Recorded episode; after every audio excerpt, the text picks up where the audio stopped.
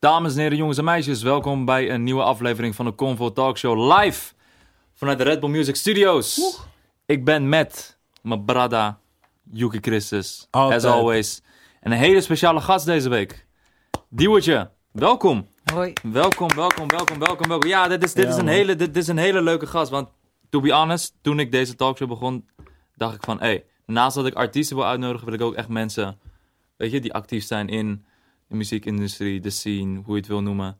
En eh, je stond eh, echt in dat lijstje van mensen die ik voor me had van... Hey, ik wil een dealtje bijvoorbeeld aan tafel hebben. En na fucking drie jaar is het eindelijk zover.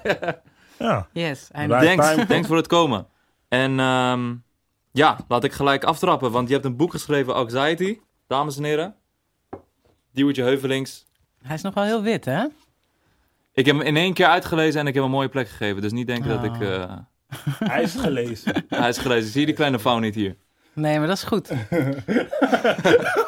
Kom on man, ik heb, echt, eh, ik heb echt in één keer uitgelezen. Want dit boek gaat eh, in het kort eh, over... eh, nee, waar gaat het boek over, Diewertje? Oh, moet- moet ik zeggen, oké. Ja. Het gaat over eh, drie hoofdpersonen. Ja. Eh Wietske, een playlist editor. Eh, Amir, eh a.k.a. Strijder, een rapper. En Isaiah, een ENR bij een label. Ja, en het is gebaseerd eh, op eh, hoe jij de muziekindustrie hebt meegemaakt. Voor de mensen die thuis niet we- eh, weten. Diewertje was jarenlang de playlist editor voor eh, Spotify. Dus je bent verantwoordelijk geweest voor playlists als Woordenschat, La Vida Loca, Mellow Bars. Ik had het rijtje uit mijn hoofd geleerd. Eh, Dus jullie moeten het gewoon zo Fresh zien. Flows. Die rappers die met de pokkels kwamen waren meteen van... Hey, wie moet ook connecten? Oh, we moeten bij haar zijn, maar wat moet in de playlist? Dat was gewoon deze persoon. Ja, ja. En ehm, ik denk dat je het zelf vaak zult ontkennen, maar voor veel mensen ben je eh, een tijdje echt een van de meest powerful players in de Nederlandse muziek geweest. Want een plaatsing in een playlist kan impactvol zijn voor een artiest. Hoe ervaarde je die rol in de af... eh, in welke jaren deed je het? Van 2015 tot? 2015 tot 2018. Ja. Ja. Ehm, nee, dat heb ik, dit, dit boek is dus ook heel erg vanuit dat, je, dat eh Wietske daar een beetje het over heeft. Want dat heb ik Ja. natuurlijk ook nooit echt kunnen uitspreken toen ik in die rol zat. Ja. En ehm, mensen, eh, als je niet heel erg open kan of mag zijn, dan gaan mensen het zelf invullen. Ja. Dus dan maken ze het of mooier of lelijker dan dat het echt is. Mhm. Eh, wat het bij Playlist eh, was in die tijd, is dat het vooral ging om data. Dus je had bepaalde playlists, à la een Fresh Flows. Dat was gebaseerd op ja, nieuwe opkomende artiesten, rappers. Dat is nu volgens mij alweer een beetje veranderd, maar in die tijd is dat zo begonnen. En Woordenschat was eh, ja, voor de, ja, de Champions League van de Nederlandse rap. Dus zo moest je ook een beetje die playlist updaten. En eh, eh, ja, dan gaan mensen denken dat als je jezelf een beetje verkoopt bij iemand, dat je dan wel een woordenschat komt. Maar uiteindelijk kwam het altijd neer op data. Ja. Kwam het altijd neer op data of had je soms toch wel even... Bij sommige playlists wel, ja. Ja. Sommige playlists, zoals Mellow Bars bijvoorbeeld, die Armin Mhm. net noemde, dat was een playlist die, die was volledig gebaseerd op mijn eigen muzieksmaak. Dus dat Mhm. was allemaal hele mellow bars. Oké. en eh, Die was echt op gut feeling. die was alleen maar op gut feeling. Hoe, Dus dan- en iets als domme jeugd, werd dat ook zelf gedaan of was dat ook data gebaseerd? Domme Jeugd kwam naar mij, dus ik weet niet wat daar de, de Ja. beweegredenen achter zijn. Maar ehm, voor Woordenschat, dat was zo'n zo'n enorme playlist in die tijd. Mhm. Daar, moest, daar kon je niet afwijken van data, want de ogen waren constant op mij gericht. Dus als ik ook maar één slippertje maakte ergens, dan, dan kreeg ik meteen boze mensen in mijn, in mijn inbox. Dus Zo. ik deed mijn het best. Daar diep op ingaan, maar hoe voelt het allereerst dat je dat, dat, dat dit boek nu uit is? Dat je dit boek geschreven hebt überhaupt? Ja, vet. Ja? Opluchting? Ehm, nee, dat was denk ik wel met het schrijven. Ik denk trouwens dat die opluchting kwam toen ik echt besloten had van... oké, ik ga met mijn baan stoppen. En ik ga terug naar Nederland en ik ga eh, dit boek schrijven.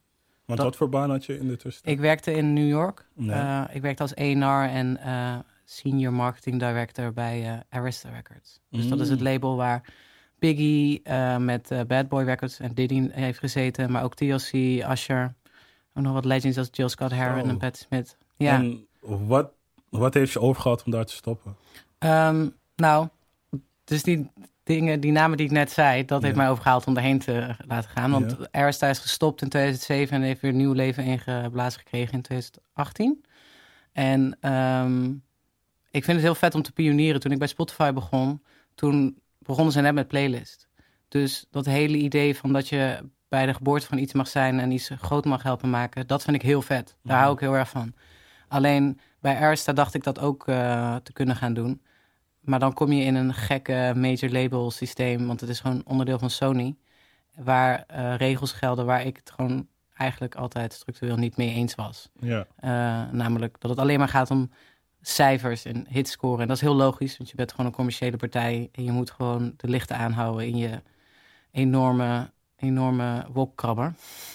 Maar eh, ik werd daar niet echt gelukkig van. Want dat is niet de reden waarom ik, naar, waarom ik in de muziekindustrie ging werken. Dus toen ik in Amerika aankwam, toen speelde ik op een level waar, eh, waar ik eigenlijk dacht van... ik moet op een veel kleiner level gaan werken. Want dat, ik vind dat, dat opstarten van iets en het pionieren van iets eigenlijk veel leuker dan eh, ja, dat grote Ja. eigenlijk. Denk je dat je dan überhaupt nog bij een label zou werken? Ik denk niet meer dat ik in het labelsysteem Ja. ga werken, nee. Oké. nee. Maar dus je kwam terug en toen...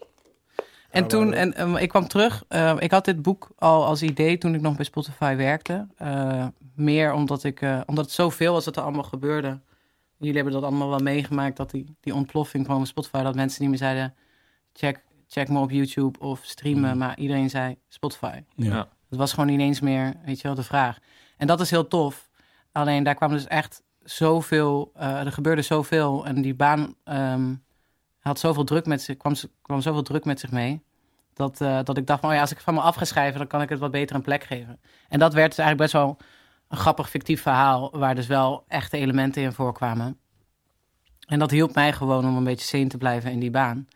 Maar toen kreeg ik die baan in Amerika aangeboden. En toen heb ik het eigenlijk naast me neergelegd en dacht ik, oké, ik ga me volledig hierop richten. En eh, toen, het daar, toen ik merkte dus dat ik daar eigenlijk heel erg ongelukkig was, werd in die baan, toen dacht ik, waar werd ik nou eigenlijk wel echt gelukkig van de afgelopen vijf à tien jaar? En toen was het schrijven het antwoord. Dus toen ben ik naar huis toe gegaan en eh, toen ben ik gewoon begonnen en niet meer opgehouden. Dus ik heb het boek ook binnen negen maanden geschreven. En eh, dat, die opluchting waar je het over had, dat kwam toen. Dat je Ja. gewoon kan zitten ergens, je laptop openslaat en in een wereld terecht kan komen. Het is een beetje alsof jij, je bent nu Warrior aan het kijken, toch? Die serie, die Ja. iedereen moet kijken trouwens. Echt een super vette serie. Maar dat je een hele, hele tof serie aan het kijken bent en dat je dan zelf mag besluiten wat er gaat gebeuren. Dat was, dat was, dat was mijn kracht van het creëren. Wat ik nog nooit eerder had, had meegemaakt. Dus ik werd 's ochtends wakker en toen dacht ik, oh ja, wat gaat Amir vandaag meemaken? Wat Ja. voor gekke dingen gaan er vandaag gebeuren? En dat was, ja, dat was heel tof. Mm. Je hebt het boek geschreven gebaseerd op je ervaringen, maar je gebruikt fictieve namen. Is dat voor juridische redenen? Of was het gewoon om het verhaal meer vorm te geven? Want je kon jezelf ook gewoon Diewertje ne- noemen in plaats van Wietske. Ja, nou, juridisch gezien mag je dus blijkbaar iedereen's naam gewoon gebruiken. Zolang je maar in de, in de voorkant zet, eh, dit- is berust op fictieve Oké, eh, gebeurtenissen. Dus ehm, juridisch niet, maar wel ehm, omdat ik het niet zo belangrijk vind wie wie is. Wat ik, wat ik een beetje irritant vind, maar wat wel heel logisch is, is dat iedereen de hele tijd aan het gokken is wie Amir is. ja. Maar Amir is echt iedereen bij elkaar. Die ik ongeveer ooit heb van dat- is toch wel ook het leuke van het boek. Dat je, Ja. kan, dat je probeert te raden. Wat, het is toch wel een extra element waar je misschien niet bewust rekening mee hebt gehouden. Maar als je het leest, dan denk je toch van oké, over wie zal dit gaan? Ja. En dat maakt het nog spannender. Want nu ga je in, de volgende, in het volgende scenario proberen te raden van oké, dit zal bij wijze van, ik zeg random, Jonna of Renna doen. Gewoon Ja. in principe. En dat maakt het ook wel leuker. Ja. Dus misschien heb je dat niet bewust gedaan, maar het is wel een goede toevoeging. Maar het moet niet afleidend zijn. nee. Snap je? Ja. Ja, Als maar- jij bijvoorbeeld Boef in je hoofd hebt Ja. En hij doet opeens iets wat Boef nooit zou doen, dan vind je dat irritant. Maar dan komt dat je voor jezelf al besloten hebt dat Boef Nee. is. Maar ik het is vind dat niet. juist spannend. Dan gaat het juist bij mij opnieuw van, oké, het is over wie gaat het eigenlijk? Ja, ja, en dan ja. nu dat je zegt, het gaat over iedereen, dan aan, uiteindelijk heb je dat altijd gelijk. Meer een soort mengelmoes van Ja. ervaringen of dingen die je in de Nederlandse hip-hop scene Ja, hebt meegemaakt. En ehm, en, en over de andere personen, ehm nou ja, Wietske staat, is dan wel dichtst bij een werkelijk persoon, namelijk bij mezelf. ja, Ehm, en eh Isaiah is ook een, een mengelmoes. Heeft ook eigenlijk veel van mijn ervaring in Amerika eh, met zich meegenomen in het boek. en Isaiah is de ENR. Ja, Die- dus ik ben eigenlijk wel blij dat ik naar Amerika Ja. ben gegaan. Omdat, omdat ik toch wel echt wel veel ervaringen daar heb opgelopen die, die leuk waren voor het boek. Ja, Ja. en veel gekke mensen ontmoet. Maar ehm, eh, ja, er komen kleine anekdotes voor van... eh, ja, eigenlijk wel echt waar gebeurde situaties. van Wietske die bij een label komt en dan gekke, gekke gesprekken die daar worden gevoerd. Of dat jury eh, wat er gebeurt en de Ja. crazy racistische shit die daar wordt gezegd. En ik vond het daar belangrijk dat ik de mensen niet bij hun naam ging noemen, omdat het niet gaat om die mensen. Mhm. Het gaat om het systeem dat dat, steeds gebeurt, toelaat. ja. En dat vond ik eigenlijk belangrijker dan het zwart maken van andere mensen. Ja. Als je kijkt naar de eerste maanden die je... Die, je, ehm, want in het boek beschrijf je ook... Je kreeg zeg maar eh, te horen dat de ideale job beschikbaar was. Playlist editor bij Spotify. Dus je kan liedjes samenstellen en presenteren aan het publiek. En een soort van... Mensen een idee geven van wat soort, wat soort muziek er out there is. Ehm, als je kijkt naar de eerste maanden dat je bij Spotify werkte. En naar de laatste maanden dat je bij Spotify werkte. Waar schrik je dan het meest van als je erop terugkijkt? Ehm, de inbox, mijn mail-inbox. ik weet nog dat ik begon dat niemand me ooit mailde. En ik dacht, oh, Mm. hoe chill is dit? Niemand mailt me. Ik Ja. kan gewoon naar muziek luisteren en ik hoef niks te beantwoorden. Sterker nog, jij ging achter mensen aan van, yo, Ja, Spotify ik was echt misschien? vervelend. Ik, ging, ik sluitte echt mensen DM's. Gewoon Ja. van, van rappers die nu heel groot zijn van, yo, zet alsjeblieft even je muziek op Spotify, want dan kan ik je playlist. En dat ze echt dachten, waar heb jij het over, vrouw? Hm. Ja. Maar ja, dat, uiteindelijk deden ze het wel. En toen die eerste paychecks binnenkwamen, toen, toen begrepen ze het ook wel. Mhm. Want je krijgt gewoon meer per stream bij Spotify dan bij YouTube bijvoorbeeld. Dus eh, dat, dat is denk ik wel het verschil. Dus die, dat, ja, dat ik achter mensen aan moet en dat ik echt van mensen weg moest rennen bij wijze van Ja. spreken. En ehm, ja, die, die, wat, ik, wat ik heel erg had gehoopt, omdat ik echt wel echt een hele erg liefbe- liefhebber ben van hip-hop en ook van Nederlandse hip-hop. En wat heel erg mijn droom was, was dat als dat platform groter wordt voor Nederlandse hip-hop, meer mensen geld gaan verdienen en erkenning krijgen, dan is er ook meer ruimte voor creativiteit en ook meer ruimte voor verschillende soorten stemmen. Mhm. En dan zou dan een veel diverser en breder eh, eh, platform worden. Maar wat er eigenlijk is gebeurd, is dat ze met z'n allen naar die nummer 1 wilden gaan. En dat ze allemaal ook elkaar gingen kopiëren. En dat is niet Ja. iedereen, en ik probeer niet te generaliseren, maar het viel mij wel op dat als één iemand een hit had gescoord met een bepaalde beat, dat iedereen dan die beat Zo, ging kopiëren. 2017 was echt een goor jaar. Ja. dat was echt, nee, echt serieus. Ja, ja, ja, Ja, man. Ja, Busy heeft zeg maar de game wat extra saus geeft, maar het heeft het ook geruineerd even. hoor. Ja, man. Jezus. en Maar- dat vond ik gewoon echt jammer. Dat het, in plaats van dat je dus meer smips kreeg of meer, Ja. weet je, gewoon Nels of meer Ja. gewoon echt een, een, een wat, wat andere kijk naar, naar hip-hop. Die, ja, hip-hop is gewoon super divers. Dat Ja. is altijd al zo geweest. Alleen, eh, ja, de supersterren gingen elkaar allemaal een beetje nadoen. Ook artiesten waarvan ik wist dat ze veel creatiever waren, waren dan dat. Mhm. En dat is ook een van de dingen die ik in het boek heb beschreven van Frankie. Die dus zo'n creatieve, dat is dan een van de artiesten van Isaiah. Zo'n creatieve gast is die op een hele speelse manier steeds iets anders laat horen van zichzelf. Maar dan proeft hij, zal maar zeggen, het succes van wat je kan doen als je gewoon domme muziek maakt. Ja. Op, een op een negatieve manier dom. En dan, eh, en dan denkt hij, fuck it, dat ga ik dan wel doen. Mhm. En daar probeert Isaiah hem echt te zeggen, nee man. Want als je daar bent en je bent succesvol met al die muziek die je eigenlijk niet hard vindt, maar je wil gewoon winnen, dan heb je nog steeds niet gewonnen. Ja. Want je wint met iets waar je helemaal niet achter staat.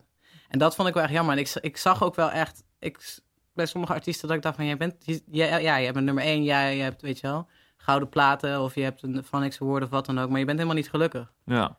En dat komt denk ik omdat je gewoon niet erachter staat van wat je maakt. En dat is wel echt het belangrijkste. Had jij dan niet een ongelukkig eh, gevoel als je dan bij Spotify was en je stond er niet... Want volgens mij, je stond er niet helemaal achter wat er gebeurde daar, toch? Nee, ja, wat ik probeerde, ja, dat was heel dubbel. Want ik stond volledig achter het feit dat hip-hop eindelijk dat platform kreeg wat ze verdienden. Mhm. Dus eindelijk dat gewoon heel veel niet meer om ze heen kon. Dat vond ik heel belangrijk. Eh, en wat ik ook heel vet vond, is dat er zoveel mensen nu geld verdienen aan hun muziek. Dat vond ik ook heel tof.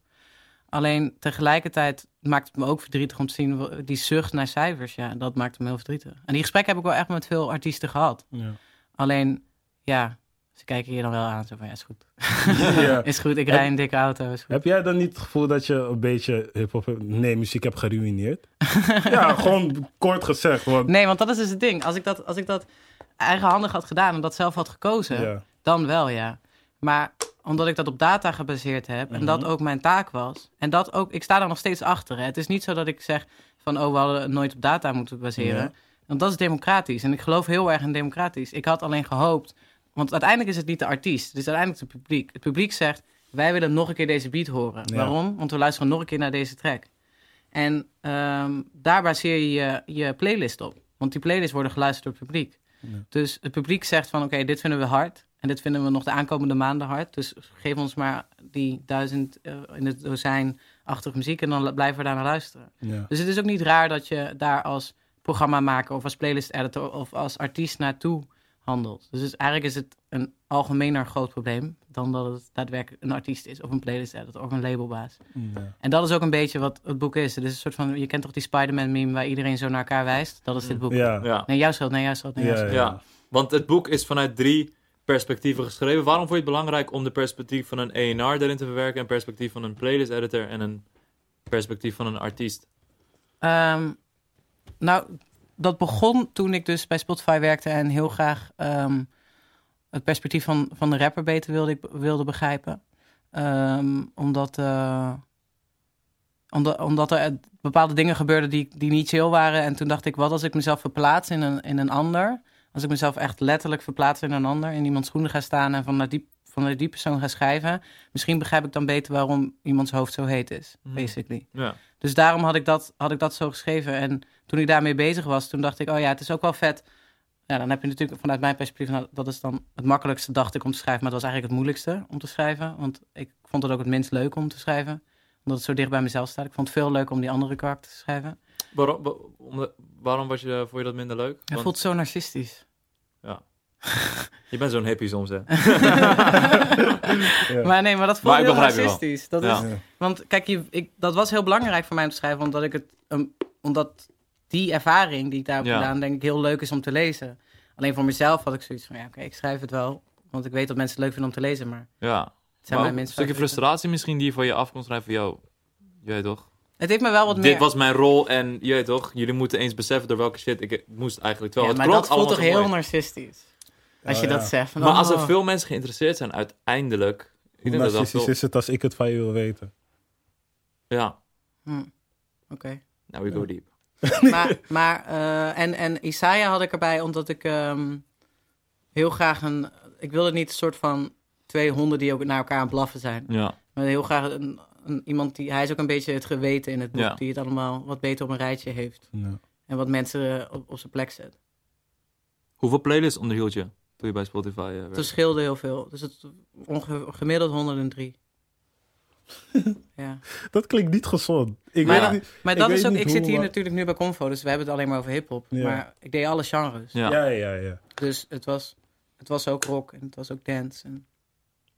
Wat mij eh, eh, best wel verbaasde, eh, en waar ik eigenlijk niet eens bij stilstond, is dat jij, als jij bijvoorbeeld bij labels binnenstapte, dat zij jou echt zagen als, oh, dat is dat meisje die hip-hop zo erg op de voorgrond trekt. ja, dat zou je niet zeggen. hè? Ja, want dat, dat is iets waarvan ik dacht van, ja, je hebt hip-hop inderdaad heel erg op, maar ik kan me voorstellen dat mensen uit bijvoorbeeld dance of zo, die naar die naar je kijken van, yo, je weet toch? Is Kudde Benas of zo. Ja. Als daar iemand, ja, maar dat is dus gewoon niet zo. Dat heb ik ook in dat boek beschreven. Dat had, het, was, het, het, het was gewoon timing dat ik daar toevallig werkte en van Ja. hip-hop hield en het begreep. En, ehm, Het publiek was had- al groot online. Het publiek was al gewoon online, alleen het zat niet per se op Spotify, het zat Ja. dan op YouTube. Alleen eh, als je kijkt naar andere landen, als je kijkt naar Frankrijk, naar België, naar, naar Duitsland, daar is hip-hop ook enorm, lokale Mm. hip-hop ook enorm gro- groot geworden. En ze hadden bij Spotify gewoon al heel snel door dat ze daar iemand, dat ze in elk land iemand moesten hebben die dat begreep. Alleen in Nederland hadden ze toevallig al iemand aangenomen die dat begreep. Ehm, Omdat ik natuurlijk ook al zo lang eh, daar Hm. naar geluisterd heb, maar ook in heb gezeten al van jongs af aan.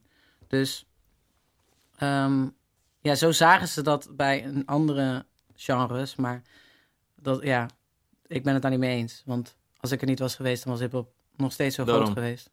Alleen dan was Spotify misschien ehm, er niet zo snel opgesprongen, maar dan Ja. een half jaar of een jaar later. Ja. Je legt uit, bijvoorbeeld bij een woordenschat, dat eh, data en statistieken best wel eh, de boventoon voeren als je zo'n playlist samenstelt. Kan je voor de mensen thuis een soort beeld geven wat die data dan is? Wat voor da- data wordt er naar gekeken als jij een eh, playlist samenstelt?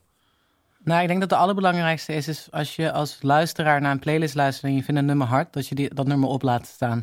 Ja, Want als het nummer geskipt wordt in een playlist, dan telt dat bij elkaar op. En als het over het algemeen meer geskipt wordt dan andere nummers in de playlist, dan gaat het uiteindelijk uit de playlist. Ja. Dus dat is het belangrijkste. En hetzelfde, geldt voor algoritme playlist. Als jij een eh, Discover Weekly luistert of een Your Release Radar en er zit een nummer in wat je hard vindt, geef het een hartje of sla het op of luister het af. want op die manier wordt die artiest ook in meerdere ehm, algoritme playlists neergezet. Dus daar wordt heel erg naar gekeken. Bijvoorbeeld een radio.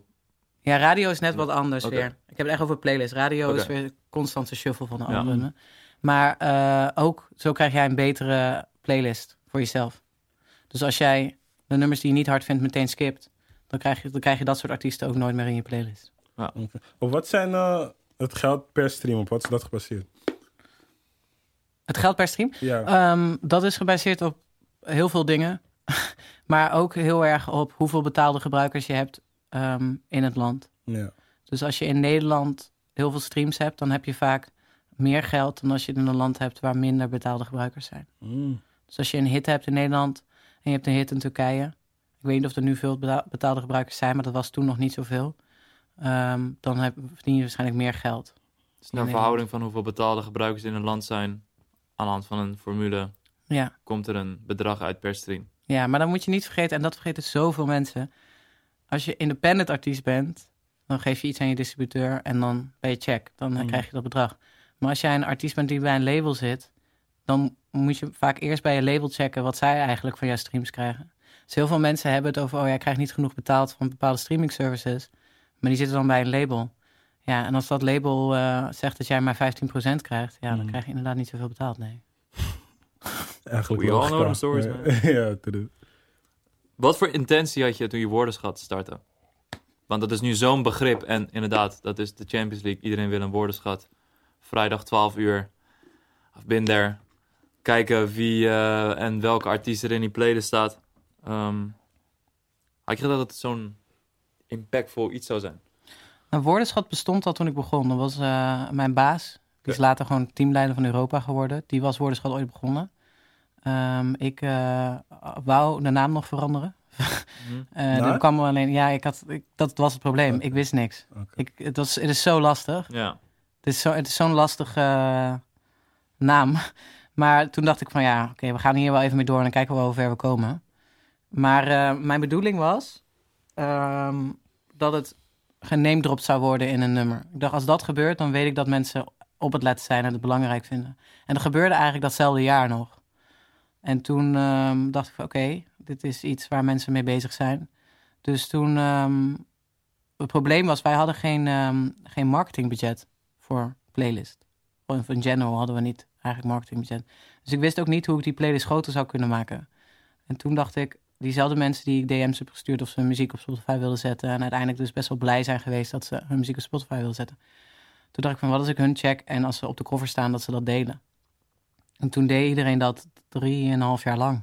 En dat is wel marketing. Ja. En het is heel, het is super houtje touwtje.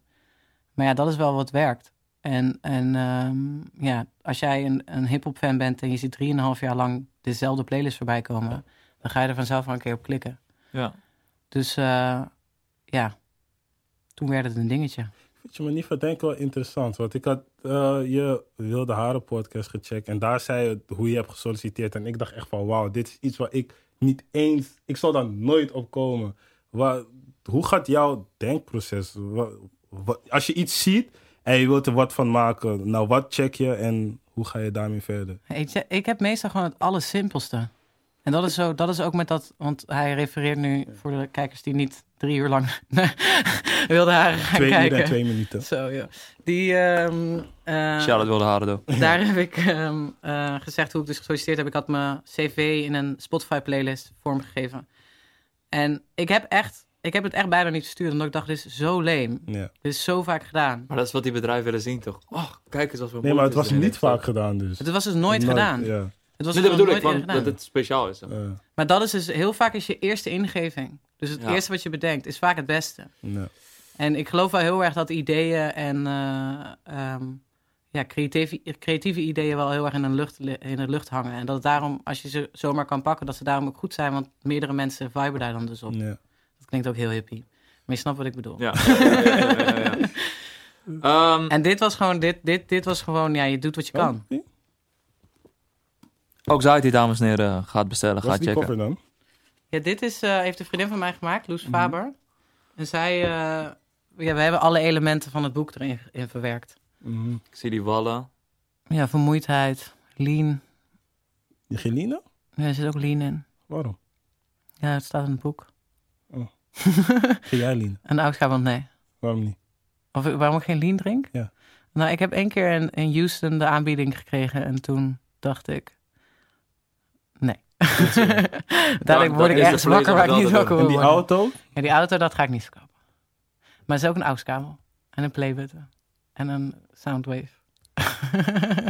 Het boek open je met een, met- eh, het boek open je met een best wel nare ervaring. Is dat een eh, artiest eh, bij het hoofdkantoor aanklopt en verhaal komt halen waarom hij niet in een playlist heeft gezeten. ja. Ehm, kreeg je vaak te maken met dat soort nare incidenten? ja, dat klinkt, het klinkt niet zo naar, toch? Nou, is best wel na. Als Ja? iemand verhaal Oh. komt halen, het is best wel op de persoon, toch? Ja, nee, dat heb ik wel vaak gehad, ja. Ja. Ik heb ook wel vaak dat ik op feestjes was. En dan kwamen ze echt naar je toe en naar toe, Ja. je vindt mijn tune niet hard? Nee, vaak was dat wel positief hoor. Vaak was dat wel gewoon van... hey, wil je mijn demo checken? Of hey, wil je mijn Mhm. track checken? Kut, man. Ja, even. Ja. Ehm, we hebben hier Ismo een keer aan de tafel gehad. En die, eh, die heeft bijvoorbeeld ook eh, eh, naar jou uitgehaald. Sterker nog, die heeft jou zowat aan zijn publiek laten zien van... hey, dit is een vrouw die ervoor zorgt of ik in de playlist kom of niet. Je moet bij, ha- bij haar zijn. Was dat een van de redenen die jou deed stoppen bij Spotify? Nee, Nee? nee. Ik heb het ook weer goed gemaakt met Ismo. Oké. Wat, wat dacht je op dat moment? Toen iemand zo ver ging eigenlijk. Dat, om ja, Nou, dat is... om dat in een is, playlist te komen.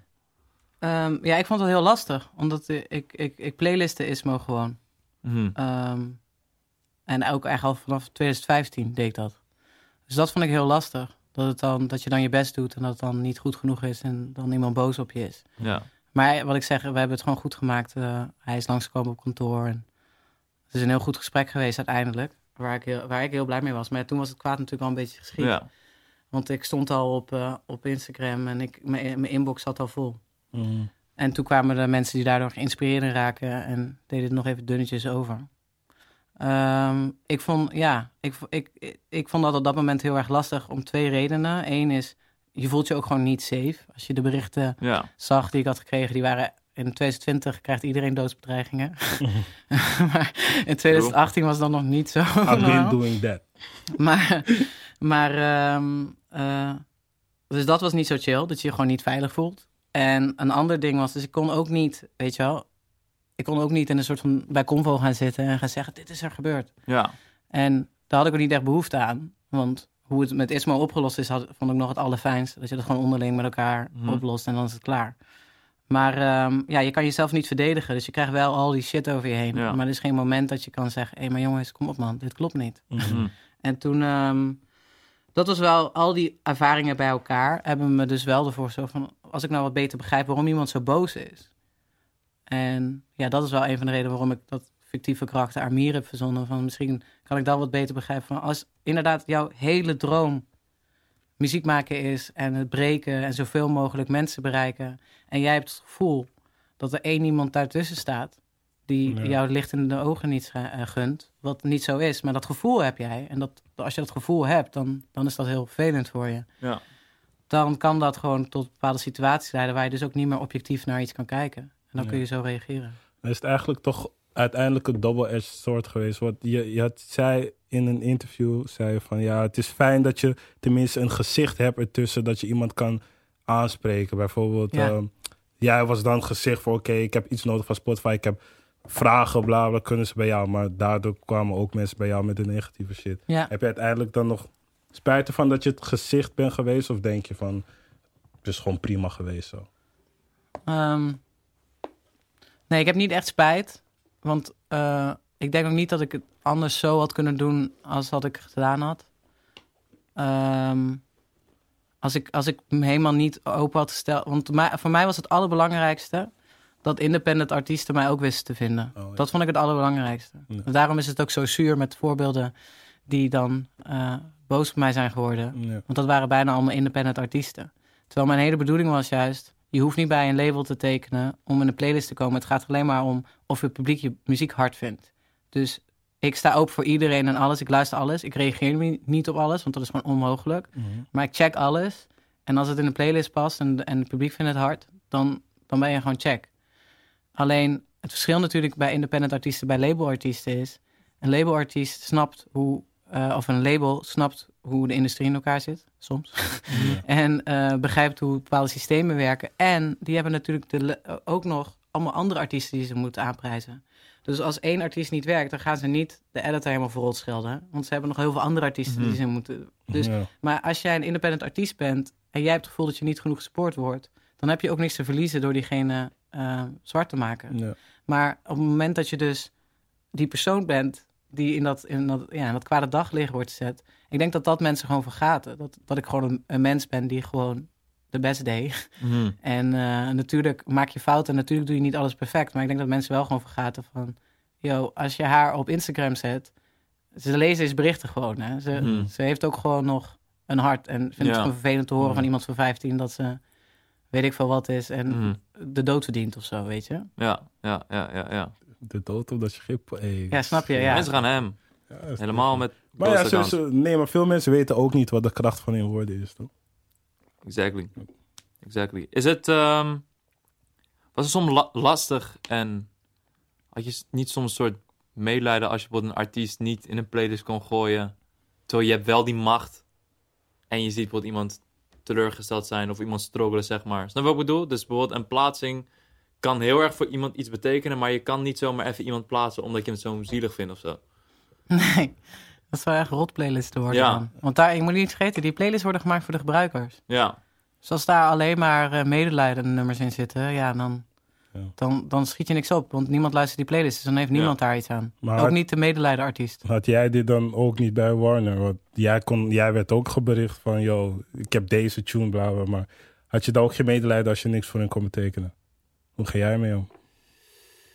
Eh, meestal niet, maar soms... Ja, ja, er zijn mensen die met hele lange verhalen komen in je DM, toch? Van, yo, eh, ik ga door dit en mijn leven ziet er zo uit en bla bla bla en bla bla bla. Dan heb ik soms wel even een gevoel van, shit, ik wou dat ik meer voor je kon doen, maar ik kan je niet even snel, weet ik veel, Ja. een contract geven en eh, ik weet niet hoeveel voorschot. Dus dat was zeg maar, eh, dat medelijden bedoel ik, zeg maar, Ja. snap Ja. je? Dus je bent een soort van in charge om iemands carrière te maken of breken, om het heel bol te zeggen, maar het kan gewoon niet. Sorry man. Zelfs ik krijg zulke berichten. Ik kan helemaal niks, bro. Ja. Ik, ik ben letterlijk niks, niks voor muziek. Dus ik snap... Bro, ik kreeg het bericht van... Ja, man, mijn broertje hij werkt zo hard. eh, elke Dat dag. soort en dingen, hij- denk ik. Snap en je? Ja. hij, is helemaal emo, wat het lukt niet, kan je hem regelen. Zo, ik, ik, vroeg, ik, vroeg, ik heb gereageerd, ik vroeg letterlijk, wat de fuck zou ik moeten doen? Gewoon. Bro, ik kan niks, ik ben echt niks. Dus, maar mensen zijn gek ook, maar ja, al je emo verhalen voor jezelf, ga werken, man. Oké, dus ik, heb, eh, ik geef nu les de Herman Brood Academie. Mhm. Dus op deze manier probeer ik artiesten te helpen. eh, die misschien advies nodig hebben. Mhm. Maar ik ben ook, eh, Ron Simpson heeft me gevraagd of ik ehm, music consultancy eh, dingen met hem wil doen. Oh, Ron is ook overal. Voor, eh, Ron weet wat ik doe, maar ja, ja, voor de. Skybox sessies. Ja. Dus daarin ga ik wel, dus dan, dan sta ik dus open voor dat je gewoon een drie uur eh, durende sessie hebt, creatieve sessie. Waarin je dus feedback kan krijgen op demo's, maar ook ehm, ja, feedback kan krijgen op bepaalde strategieën die je hebt of een releaseplan en dergelijke. Dus op die manier probeer ik wel te helpen. Maar weet je, Armin, je hebt ook maar, jij hebt ook maar 24 uur in de dag, snap je? En Oh. beter, je kan ook mensen helpen waarvan jij het gevoel hebt dat ze ook daadwerkelijk ergens komen met je advies.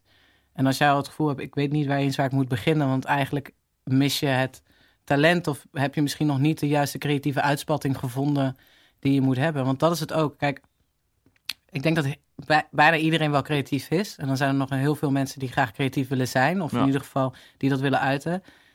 En dan denken ze allemaal dat ze rapper zijn. En dan denken ze allemaal dat ze artiest zijn. Maar er zijn nog zoveel andere manieren om creatief te zijn. Dat kan je op een manier van denken of ondernemen of eh, Ja. schrijven of eh, tekenen of schilderen of dansen of, of DJ'en of whatever, weet je? Al films maken. Je Ja. kan op zoveel verschillende andere manieren creatief zijn. Alleen het enige wat ze de hele tijd zien is rappen, dus dan gaan Ja. ze dat doen. Artiest zijn is wat, terwijl er is een heel spectrum open, dames en heren. Dus als je, als je merkt dat je gewoon, als je eigen vrienden niet met je shit fokken, Ja, dan moet je misschien maar gewoon even denken: oké, cool, ik heb dus een creatief idee, ik wil graag een verhaal vertellen, want het komt natuurlijk neer op dat ze graag een verhaal willen vertellen. ja. Misschien moet ik het op een iets andere manier doen. Er zijn zoveel artiesten die echt super vaak op hun bek zijn gegaan met allerlei andere ventures en dan uit zeggen komen: oh, ik ben eigenlijk gewoon een songwriter. Ik moet helemaal niet gaan rappen. Ik kan voor andere mensen liedjes schrijven. Ja, Dat kan ook. true. Zeker true. Ja. Waarom lach je? Nee, ja, nee, skip. Nee, ik had gewoon iemand in mijn hoofd, maar ik dacht van ja, maar jij bent wel gewoon een goede songwriter eigenlijk. Ja, Ik had Paul Zin in mijn hoofd. Hij is ook songwriter voor mensen. Ja, ja. Nee, maar dat van, kijk, zijn muziek. Ik voelde zijn muziek wel echt, maar mensen voelden zijn muziek niet echt. Maar toen hij songwriter werd, die tunes werden wel echt gevoeld. Dus toen ze dat ging uitleggen, dacht ik aan hem eigenlijk. Maar dat kan dus altijd nog komen. Dat probeer ik dus wel Ja. altijd toen ook. Wat probeer ik nu nog steeds tegen artiesten te zeggen. Als je een nummer uitbrengt en hij wordt niet geplaylist, ten eerste chill. Het is niet zo'n gro- het is niet zo'n big deal. Er luisteren maar 15% van alle mensen op Spotify luisteren naar playlist. Editorial playlist. ja. 17% luistert naar eh, algoritme playlist. Dus je hebt veel meer eraan om in een algoritme playlist te komen, statistisch gezien. Ja, man. Ehm, tweede is, als deze track er niet in komt, misschien je volgende wel. Weet je, misschien voelen ze deze het niet. Maar de volgende misschien wel, en anders de volgende, anders de volgende. Blijf gewoon releasen. En als je dan wel in de playlist staat, dan staat je pagina in ieder geval wel vol met allemaal tracks die mensen kunnen checken. En het is eigenlijk best wel vervelend als je meteen met je eerste debuut in de playlist komt. Want mensen komen naar je pagina, zien niks staan. Kunnen dus ook niet echt fan worden, want het is maar Ja. één nummer. En vergeten je dan weer. En dan moeten ze je weer terug kunnen zien te pakken. En wat als je dan niet geplaylist wordt? ja. Snap je? Ja. Dat vergeten, merk je ehm, ehm, dat door streaming artiesten veel sneller en vaker releasen? Ja, tuurlijk. Wa- Hoe kijk je naar die ontwikkeling? Ehm, nou, je moet gewoon bedenken dat albums zijn in principe ook zo, zo gecreëerd vanwege techniek. Hmm. Dus een LP was een x-aantal, volgens mij 70 minuten lang. En daarom zijn albums ook 70 minuten lang. Is, albums zijn niet een soort van ding vanuit de geschiedenis dat er altijd al albums waren. Of dat, weet je wel, mensen op straat een album gingen, eh, die gingen gewoon een liedje optreden en that's Mm. it. Dus dat hele idee van, oh, eh, streaming eh, ruint de albumwereld, ja, dat kan wel. Maar albums zijn ook eigenlijk alleen maar gecreëerd vanwege de techniek van LP's. Ja, Dus ehm, het hele idee van dat albums niet meer zo'n ding zijn, vind ik niet per se heel erg. Ik hou heel erg van conceptalbums, à la To Pimp a Butterfly of ja, ehm D'Angelo's laatste album of zo. Dat soort albums vind ik heel vet, omdat het echt een verhaal van begin tot het eind vertelt. Maar als het gewoon een ja, best of Ariana Grande shit is of zo, ja, I couldn't care less. Drop Ja. gewoon singles. Je vertelt me niks. Je, je, Ja. bent, je bent gewoon heel- pophits aan het maken. Dus het is... Die dus mensen die daarop zeiken eigenlijk, het is gewoon van, het is een beetje... Ja, omdat ze in die album-era zijn opgegroeid, hebben Ja. ze daar nog een veel romantischer idee bij dan dat het daadwerkelijk is. Nou, ze weten vaak niet waar het vandaan komt. Dat Ja. is het meer. En tweede is dat, dat er meer singles uitkomen. Ja, er, er, er, er komt onwijs veel muziek uit. Echt belachelijk veel muziek Ja. uit. En ik heb dus eigenlijk negen jaar lang... ehm, dus voordat ik bij Spotify werkte, deed ik muziek voor reclames. En toen was ik ook altijd bezig met nieuwe muziek, want daar ben je dan ook mee bezig. Eh, negen jaar lang ben ik obsessief bezig geweest met nieuwe muziek. Gewoon elke week alles checken wat eruit komt. Dat is natuurlijk niet mogelijk, maar wat onder mijn Ja. neus kwam. En dit is het eerste jaar dat ik dat een stuk minder ben gaan doen. En dat geeft mij wel, wel veel meer rust dan ooit tevoren. Maar ja, ik ben dan ook, ik deed het dan al 19 jaar, weet je. 9 slash 10 jaar. Het is niet zo dat ik, eh, dat ik dat op mijn drie, ik snap dat als je 23 bent, dat je dan gewoon op de hoogte wil zijn van wat er gebeurt. Nee, Ja. man, ik heb dan te veel stress, bro. Ja? Elke vrijdag, man. Vooral die tijd toen we hier bij Convo nog echt een ding hadden dat we letterlijk Ja. de releases van afgelopen vrijdag gingen checken. Ik was helemaal moe. Ik, ik, hoor- ik zag een album, ik was gewoon van, hey, weet je, fuck het, maar ik ga het niet eens luisteren. En daardoor ben ik wel echt podcasts gaan checken. In plaats van... eh, Dat Ja, merk wel. dat- nu dat- ja, krijg je te veel podcast. Ik zit nu echt, ik ben nu echt over, overloaden met veel te veel podcasts. ja, dus nu luister ik gewoon naar ehm, ja, instrumentals. Zoveel instrumentals, ik ook. Ja. Zoveel. Dat wordt wel een soort van... Daarom is Spotify denk ik ook zo erg aan het inkopen op Video. podcastbedrijven Oh, ja. en podcast zelf. Want ik Ja. denk uiteindelijk in ons luistergedrag gaat die percentage naar podcast gaat wel, denk ik. Ja, man, mensen Ja. zijn sowieso worden. gek. Bro, als je nu nog naar dit luistert, ben je sowieso een gekkie. Gewoon luister je ik denk kapot juist- lang naar mensen die praten. Ja. Gewoon, je chillt hem. Ja, Ja. man. Oh, wat te zeggen? Ja, hij heeft ik, soms heb ik dat, bro. Soms luister ik naar Joe Budden en zeg iets en ik lach gewoon mee en ik zeg, ah, hij zegt dom, man. Dan denk ik van, kill, wat weet die de fuck praat Ja. bro? Maar ja, zo geinig. Maar shout-out naar jou als je nu nog steeds luistert, je weet zelf. Ik wou net zeggen... We zijn toch interessante dingen aan bespreken? Nu heb je om, om in skip rates. Nee, maar check it. Spotify editor gaat denken van, nee man, sorry. sorry vis. Ehm, eh, de CEO van Spotify zei laatst iets van, eh, ja, sorry, maar in deze era moet je nou eenmaal vaak en snel muziek maken. En ik zag enorme backlash daarop. En ik was benieuwd naar jouw mening. Hoe kijk jij daarnaar? Ehm, ik, ik, heb het hele, ik heb dat hele soort van nieuwsbericht gelezen en het is een beetje uit de context getrokken. Eh, hij, gaf dat gewoon als tip als hoe je jezelf moet promoten. En ik geef dat vaak ook als tip, weet je. Je wil gewoon, net zoals modehuizen, eh, consistent... eh, niet, ik heb het niet per se over fast fashion, over dat je elk, elk seizoen een, nieuw, ehm, een nieuwe lijn moet uitbrengen. Maar meer dat je gewoon shoots doet of dat je creatieve ideeën uitbrengt. Maar dat mensen gewoon op de hoogte blijven van wat, jij, wat er in jouw hoofd allemaal afspeelt. Omdat mensen daar blijkbaar geïnteresseerd in zijn, want je bent een creatieveling. Ja. Zoals je je Instagram ook update, om- omdat je denkt van... oh ja, mensen willen gewoon weten Ja. what's up. Dus ik denk dat hij dat veel meer zo bedoelde. Van dat je gewoon consistent bent en mensen op de hoogte houdt. Ja. Ik denk dat dat niet eh, zo dramatisch is als iedereen dat maakte.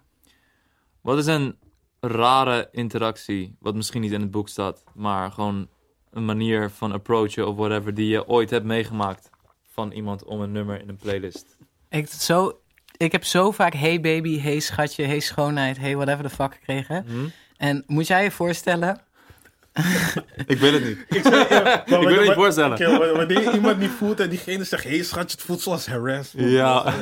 Maar het is ook zo onprofessioneel. Ja. Want als, het- Ja. als, ik gewoon een, weet je, als ik gewoon een guy was geweest, had hij never... Nee. Of laten we zeggen dat je een gay Oh, guy bent en Oh. je, gaat een, je gaat een editor een bericht sturen. Ga je never zeggen, hey, hey knapper of zo. Weet je, dat is gewoon super ongepast. Zo Ja. praat je niet tegen mensen. Ja. Al helemaal niet op een Hey, professionele manier.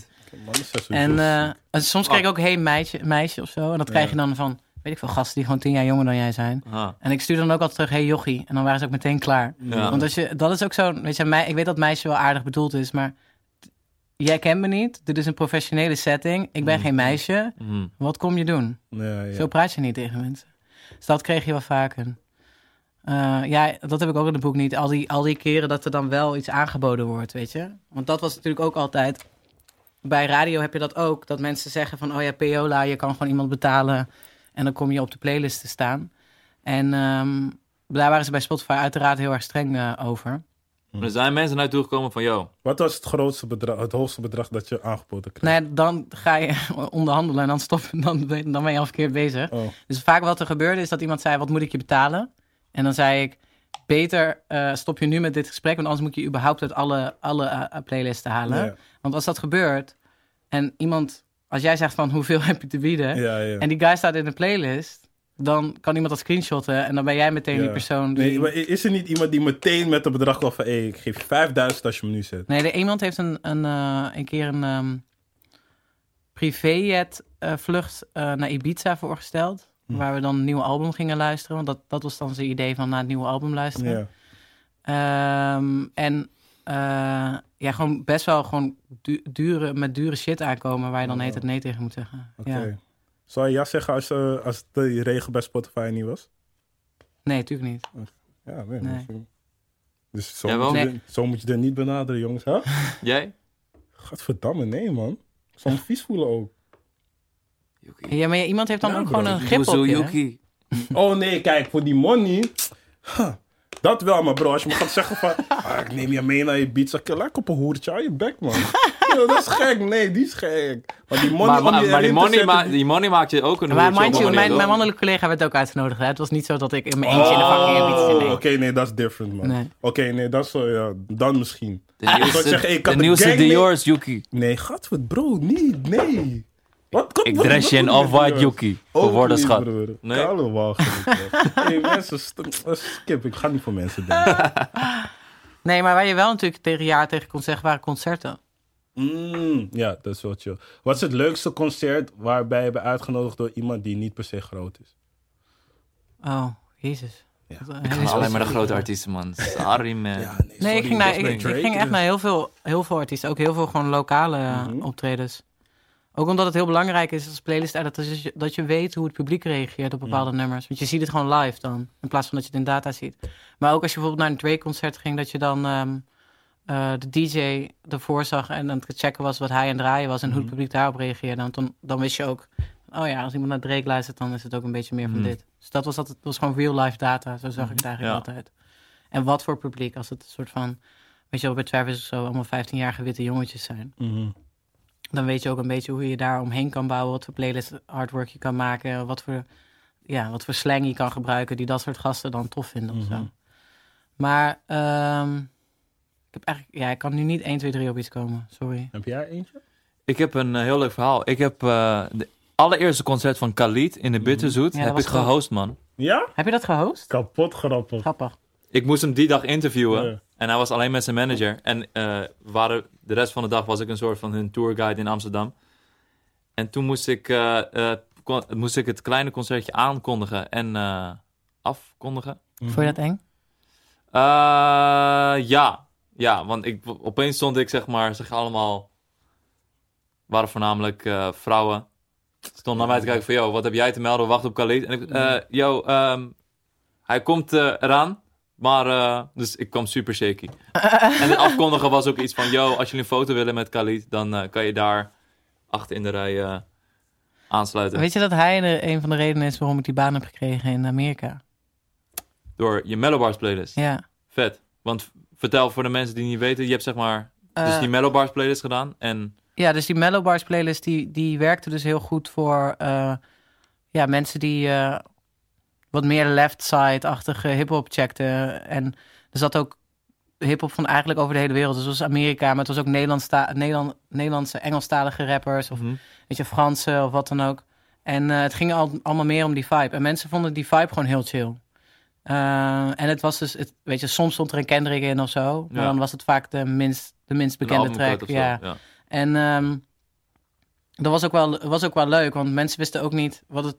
Toen ik bij Woordenschat wist allemaal dat ik achter zat, maar Mellow Bars wist niemand dat. Mhm. Dus dan ging ik wel eens op Twitter en dan was het, waren echt de allervetste berichten op Twitter van oh, Mellow Bars saved my life. Of, Mellow Eh, Bars en chill. of Ja, eh, maar Mellowbar is wel echt een chille playlist. Echt zo. is het nog steeds een chille playlist? Ik, check Ik het. luister Oh, het nog steeds. Rex Live Reg heb ik ontdekt Ik- door die playlist. Ja. En ik vind die guy ik, geweldig. hou- ik ben zeg maar net die guy die echt niet houdt van playlists. Ellie Sostre is ook een artiest die ik daar heb ontdekt, die ik ook fucking vet Ja. vind. Ja, man. Maar, maar eh, in die playlist dus heb ik Khalid eh, als eerste uh, geplaylist. En dat, eh, hij was nog nergens anders geplaylist. Oké, Dus toen... ehm, je kon gewoon zeggen van, Toen- hey Khalid, ah, guy, man. nee, want dan krijg je... Ah, beeld that Oh, allemaal Ja. labels. Anyhow, daar hadden ze bij in Amerika hadden ze opgelet over wie, wie daar dus vroeg op zat. Dus toen hadden ze zoiets van, oh ja, zij heeft wel een oor voor wat er gaat komen. Mm. Ja, St. John ook, onder andere. Yes, St. John ook, ja. Oh ja, hij is nu wel hard, maar ik vond hem eerst echt kut, man. Veel geschreeuw en nonsens. Maar nu heeft hij het wel... Kid Vind je, vind je nu dat hitje eh, tof? Oh nee. Nee, nee, nee, nee. Maar ik zag, ze, ik zag ze optreden, uh, woeha. Maar ik luister ook niet eens naar hem, maar ik hoorde gewoon een paar poekers dat ik was, oh ja, die is wel chill, man. Nee? Hij probeert heel erg, ja, hij- is gewoon heel erg Kid Cudi-achtig, toch? Hij wil heel graag die ja, ik wavy guy zijn. Ik, eh, Oh, dat vind ik helemaal niet. Nee? Nee.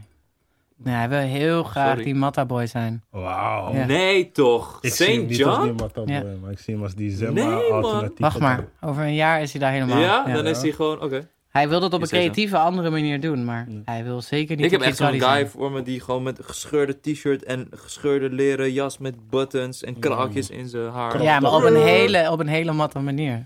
Mm, wow. Ja. Ik mis random concerten wel, man. Ik ook. Ik was Ah, ooit bij een random concert van een band of zo. In Paradiso. Een band. Ja, man. Je zag een guy Zat er een drummer? drummen? What the fuck? Ja, man. Nee, maar het was... Ja? Weet je, Rue Pains of zo. Rue Pains. Ik dacht bijna dat je Roots wou zeggen, anders zou ik zeggen van mijn pa. Nee, nee, nee, nee. nee. Rue Pains, man. Ik heb, geen, ik, heb die guys daarna nooit meer gecheckt, maar ze waren hard. Ja, ik mis Paradiso. Wat is man. jouw vetste concertervaring? Eh, ik weet niet, ik hou niet van concerten, man. Het is fucking Je kut. zegt net dat je het mist. Ja, die random concerten Ja, op dit, mist Ah, op dit moment mist hij gewoon alles. Ja, maar alles. ik, ik, hou over het algemeen niet van concerten. Ik Of een, een, of nou- wat je bij is gebleven. Wauw, Young Talk 2015. Ja, maar Young Talk 2015 ging met rode badade, alles. Die guy kwam met 730. Iedereen denkt, melk. Ik was bijna van boven naar beneden gevallen zelfs, Ja. Ik zweer het. Chaos. Nee, maar die was wel echt goeie, man. En voor de rest, ik hou niet van concerten. Ik was één keer bij een Travis Scott concert. Ik dacht van, "Oké, hoe kan een guy zoveel met je doen dat je elleboog in mensen in gezicht wil? Hey, ik haat dat, man. En ik haat moshpits ook, toch? Dus, eh, en heel veel artiesten naar wie ik luister, hun concerten hebben moshpits. Maar in moshpits mensen stinken, trap op je pad aan je fris komen kan niet eens en zo. Je weet toch? En uiteindelijk sta je veel te ver. Was je wel Jij bent ook echt een guy dat als iemand tegen je aanbod, dat je ook echt zo aankijkt, zo door die glas. hey broer, ik, heb, ik was één keertje bij Young Ellis. Young Ellis ging optreden bij Baseline volgens mij. Maar het was zijn eerste optreden, dus ik kwam voorin staan, want ik kwam echt checken wat hij was. Aan, aan. Nu ik sta daar zo. Ik weet nog, ik had een frisse, wil- wat had ik? Ik had een frisse nieuwe patta of zo. Ik ben vergeten welke. Nu een guy, ik sta helemaal ver van die mensen. Hij vindt hij moet om bij mij komen met zijn armen om me heen en mosje. Ik dacht, ik donder op man. Hij heeft mijn patta vies gemaakt, alles. En daarna dacht ik van, oké, ik ga dit niet eens meer proberen man. Fuck Hou jij concerten. van moshpit? Vroeger was ik eh, die bandana ook om mijn hoofd. Ja, En ik heb je volgens mij eh, nog wel eens in een moshpit gezien. Ja, ja, ja, ja, ja, ja. Waar hebben jullie elkaar gezien? In een moshpit. In de moshpit. Hey, jij bent niet... Nee, rond 2014, 15, 16 was ik wel die guy die met kapotte fans en gescheurde broek daarin ging. Ja. Als soort warrior. Om, Bring him back. Ja. Nee, maar ik vind Maar het niet je toch, dan ga je opeens de muziekindustrie in en wil je toch, je toch met je drankje Ah, boven. dat heb ik nooit gedaan. Ik heb altijd... Ik heb, weet nog, ik heb hier nog een wond van dat ik bij Kendrick tegen het hek aan ben gevallen van de moshpit. Kut, man. Bloed op Bij, de bij, bij. Travis ben ik altijd in de moshpit gegaan. Ten alle tijden. Ook Dat, gewoon in maar die durf 2018. ik dus echt niet. Wat, Nee? wat weet Nee. je wat kut is? Een keertje ging ik ook in de moshpit. waar Ik dacht van, hey, laat me gewoon checken wat het is. Nu je springt, iedereen doet elkaar, maar nu je bent moe. En je wilt eruit, maar het lukt niet. Want Ja. iedereen is, sommige mannen zijn niet sterker dan je. Zo. Dus is, hey bro, daar, moshpit zijn. Ik had mijn Travis optreden herinneren, Wuha 2015. Dat was de eerste keer dat ik live autotune hoorde. Zo, ik was Ja. echt eh, gewoon in die moshpit was ik gewoon aan luisteren van damn, dit klinkt echt vet. Ja. Dat was de eerste, een van de eerste keer dat ik live autotune ging doen en ik was gewoon mesmerized. Gewoon, ik dacht van, Ik had wel what? één leuke moshpit. Dat was tijdens racen optreden. Vego. Zo, maar die was zijn ruig, man. Ja, Want maar- daar komen mensen met ka karate trap in je gezicht en shit. Ja, maar weet je wat het is? Het waren jonge white boys. Je toch, ik kan zo kapot slaan, snap je? Ze waren korter dan ik, broer. Ze waren Maar oud? alsnog- 16, ik was 21. Denk je, ze gaan daar, daar gaan, die moshpit is echt, daar zijn figuren tussen die echt willen verwonden en zo. Dat, Ja, dat, dat skip ik liever, man. Maar Ja. wat Travis, dat, die zijn wel heftig, ja. Bij Wuha was, zit je echt gewoon op een gegeven moment klem. En dan, Ja. Nee, maar ik hou van een Fuck. goede spot te hebben en dan gewoon echt te checken. Bijvoorbeeld bij Ares, waar we stonden, vond ik perfect. Gewoon. ja, man. Terwijl beneden gingen ze helemaal los, maar wij stonden um, bij dat achterste stuk bij Melkweg en dan zag je gewoon alles. We waren gewoon in de, nat- in de natuur, man. Wat is jouw fave? Favoriete concert ever? Experience. Ehm, oh, wacht, mag ik nog eentje tussendoor gooien? James Blake bij Pitch 2015. Ben je daar geweest? Ja, man. Beautiful. Oh. En Lowlands. Ja, Bro, ik heb, Vorig dat, jaar. ik heb dat zo vaak op dingen gezien, op YouTube. James Blake live is eh, amazing. Maar ga verder. hij was toen ook bij Kendrick geopend, hè? weet je nog? In de, in de Zigo. Daar was niet bij, helaas. Mm. Jammer, jammer. Ze vraagt nog, weet je nog? Je was er niet. Ik was er niet aan, man. Het was nog niet zo. Het kon die gastenreis niet regelen. I know. Ja, ik denk dat het voor mij. Ehm, ik ben nu echt vier of vijf keer naar Travis geweest. Omdat ik gewoon zo vet vind om naar te kijken. Ik vind hem niet eens per se heel vet, maar ik vind Mhm. het gewoon zo vet om naar het publiek te kijken. Ehm, en ik vind het wel lastig hoor. Ik vond eh D'Angelo en Paradiso echt fantastisch. Maar ik heb echt veel gezien. Toen ik 16 was, was De La Soul het beste wat ik ooit gezien had, denk ik. Vroeger. Maar ik heb ook wel, er zijn ook een, is ook een bandje geweest. Future Islands is nu al bekend, maar toen ik, toen ik ze checkte waren er misschien 50 man of zo. In de OT 301 kostte 5 euro om binnen te komen. En dat was gewoon vier uur lang mensen elkaar helemaal kapot beuken en zweten. Ja. En, Ik heb wel gemerkt, bij mezelf, volgens mij vind ik hip-hop-concerten gewoon het minst leuk. Want veel, wat- ik weet niet, het lijkt zo veel guys gewoon liever stoer op die, op dat stage, ja, op die stage staan in plaats van echt losgaan en mensen laten losgaan. Tenminste, dat is mijn ervaring. ja, maar dat, vond ik dus, dat vind ik dus wel vet bij Travis juist. Ja, daarom, dat is wel different. Ik wou wel naar die van The Weeknd, man. Dat zal vorige maand zijn. The Weeknd ook amazing Wauw. live. Wow. Zo, daar zijn nou, met mijn M, met mijn likje M, hè. Ja, man. Wasted time. Ja, man, ik was al ready. Ja, Ja. Nee, ik ben eh The Weeknd fan. Dus ja ik ook. dan pik je ook veel meer. Maar ehm, op een gegeven moment ging je naar Amerika dus. Eh, je gaf zelf aan, dat komt onder andere door je skills die je door middel van je Metal Bars playlist hebt laten zien. Merkte je dat opeens heel veel contact verwaterde met mensen uit Ne- Nederland? Terwijl ze eerst helemaal, weet je, aardig kwamen doen voor een playlist of whatever. En toen ging je weg en ineens, Maar dat heb je natuurlijk altijd. ja. Maar dat viel eigenlijk wel mee. Ik vond mensen eigenlijk nog best wel heel erg lief en supportive. En Mhm. komt misschien ook omdat je dan zij het gevoel hebben dat jij hun ook hebt gesupport. Dus dat ze Mhm. dat, dat gevoel hebben. Maar eh, nee, dat viel eigenlijk wel mee. Voelde het als een bevrijding om daar naartoe te gaan? Eh, ja, op dat moment wel. Omdat ik zoiets had van, yes, niemand kent mij hier. Fucking chill. Mhm. Eh, ik word niet op feestjes aangesproken of ze in een playlist mogen.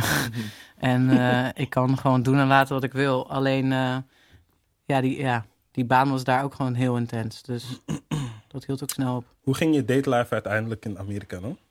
Oh, zei echt, een- oh, jij dacht doen en laten wat ik wil. Jij maakt meteen een, een, een sprongetje naar. Oh. nee, nee, maar- niet dat. Maar eh, ik denk weer aan die po- podcast die je met Jiggy had. Dat je, dat je vriendin zei, je moet meteen eh credit score vragen. Oh ja, die shit. Ja. Dus, heb, je, dat- heb je het uiteindelijk gedaan bij iemand? Nee, natuurlijk niet. Ja. Natuurlijk niet. Super awkward om te Ja, vragen. is kapot raar. Oh, Eh, hoe financieel zeker ben jij? nee, ja, date life in Amerika was best wel, ehm, was best wel bizar eigenlijk. Want mensen in New York die daten gewoon. En daten ook drie mensen tegelijkertijd. En hebben gewoon echt scheid. Zetten op iedereen hun geld tegelijkertijd in. En dan kijken ze wel wie dat langst adem heeft. En dat... eh, Drie mensen tegelijk, Yuki. Wat, wat zegt dat? ik, zeg, eh, ik, ik zou het niet kunnen, omdat ik kan niet zoveel aandacht verdelen. nee man, dat is een full, je hebt een fulltime baan. Ik snap Ja. niet hoe mensen dat doen. Ik had al zoveel werk. Mhm. En dan ook nog eens een keer drie mensen. Dat kan je toch niet doen? Hoeveel, weet je hoeveel Ja. aandacht dat is? Dus nee, ik, ik voelde dat niet echt. Maar ja, het was gewoon verschillend. Soms ontmoette je iemand die in de muziek werkte. En soms Ja. ontmoette je iemand in een club of zo. Volgens mij lijkt het kut om in jouw schoenen, of nou in je vorige schoenen dan, om met iemand te gaan die in de muziekindustrie werkte. Of vond je Dat staat ook in het boek. Met... Oh, Ah, nee, oh, dacht je dat ik de armen wees? Oh my god. relationship, weet je dat niet? bro! Ik wees een Ja, boek. nee, maar Dames en ik- heren, het boek, wees je naar. Ik zal het even zo Oh my neerzetten. god. Ja, Armin zou het eigenlijk voor me brengen, maar hij bracht het niet. Eh, nee, dat staat in het boek. In het boek staat eh, hoe dat eh, zou zijn geweest. Oké. Nee, nu ik je mag, ga ik hem wel kopen. Dan wel. maar nee, ja, hij, het, is, het, is, ja, het is lastig. Maar aan de ene kant is het ook, weet je, je bent niks anders. Ik, had, ik was met niks anders bezig in mijn leven dan met muziek. Gewoon Mhm. tien jaar lang. En je bent de hele tijd aan het werken. Je houdt ook superveel van muziek. En dan is het ook gek om opeens met een gasmaaier verkopen te gaan of zo. Snap je? Maar meer gewoon Ja. omdat het is zo'n ander leven. Mhm. Dus ja. Ga je nu met een grasmaaier verkopen? Of Nee, nee, nee. Ik ga, nu, ik ga oké, nu in met een producer. Dus ja. Ah, dicht bij huis. Iemand. Eh, bes- beschrijf eh, de muziekindustrie, of een verschil tussen Nederland en New York. Want Nederland muziekindustrie is al een soort soortige warzone, maar volgens mij is New York echt een fucking jungle. Ehm, Met A&R's, A&R, assistent, manager van die, manager, manager, tour, manager, dit. Iedereen, heel veel middelmens. Ja, maar het is ook wel leuk, want je wordt dan opeens... Ik weet nog dat ik... eh, ehm, ik wou eh, Pink Sweats tekenen. En, ehm, een soort Khalid in Light Ja, of ja, zo. ja, ja, Je ja, hebt echt ja, ja. oren voor, hè? En eh, ja, Ja, nee, Pink Sweat is echt goed. Ja, is goed. ik hoop, ik hoop dat ik oor voor heb. Maar dan, en dan word je uitgenodigd door die manager om op front, front row te zitten bij de, bij de Knicks tegen de Bulls. Dat is wel leuk. Dat Mm. zijn wel betere dingen Oké, dan... eh, shit. dus... Heb je- je, zo'n Getty image foto van jezelf bij de wedstrijd? ja, ik heb... Nee, niet zo Getty image. Ah, oké, oké. Nee, ik zat, ik zat niet naast een hele bekend persoon of zo. ik weet niet waarom ze mij zouden Maar dat is altijd fotograferen. die flex toch? Als je zeg maar eh, door zo'n... eh, ja, grappig. Maar eh, dan ben je... ehm, ja, je bent de hele tijd bezig met mensen ontmoeten... omdat je ook niemand kent natuurlijk. Mm. En dat is best wel vet. Ik heb echt wel, echt wel echt toffe mensen ontmoet... die ik ook echt heel hard Noem eens vind. een paar mensen waarvan... Je hebt Jermaine Dupri heb je mee gepraat, weet ik. Ja, eh, dat was een meeting waar mijn baas zei... ik heb even geen tijd, wil jij deze meeting overnemen? En toen deed ik de deur open, toen was het Jermaine Dupri. En toen dacht ik, wee, oké, waarom heb jij geen tijd voor Jermaine Dupri? Wat Ja. is dit? En toen was het heel awkward, maar het was wel ook een gezellig gesprek. En als ik in Atlanta ben, mag ik altijd bellen, zei hij. Vind je het niet ongemakkelijk om mijn baas te zeggen? Wat zei je? Vind je het niet gewoon ongemakkelijk om mijn baas te zeggen? Om mijn baas te zeggen? Ja, ik, Gewoon ik de vind- term baas. ja, ik, ik vind ba- iemand baas noemen echt kut. Dat is een goed Een punt. leidinggevende. Ja, dat zou ik zeggen. Dat is een goed punt. Een Ja. supervisor. Baas. Zeg jij nooit, zei jij baas? Nee. Grappig. Een baas. Nee, nee, nee, nee. nee. Nee, maar, Nee, ja, ik heb- voorgesteld als, hey, dit is de grote man. Dat zei je alleen. De- of nee, je zei, dit is mijn... Grote man. Nee, je zei mijn leidinggever bij Edison's. Bij die guy. Die hele vrolijke... Ja. Maar ik heb, ik heb niet... me- woord baas gebruik ik niet, man. Volgens mij is het wel aardig, hè? De president, zei ik. Oh ja, ja, de president. Dat is een jobtitel, ik heb niet verzonnen. Mijn baas. Maar je vindt het onderdanig. Ja, Ja, zo van... goed punt.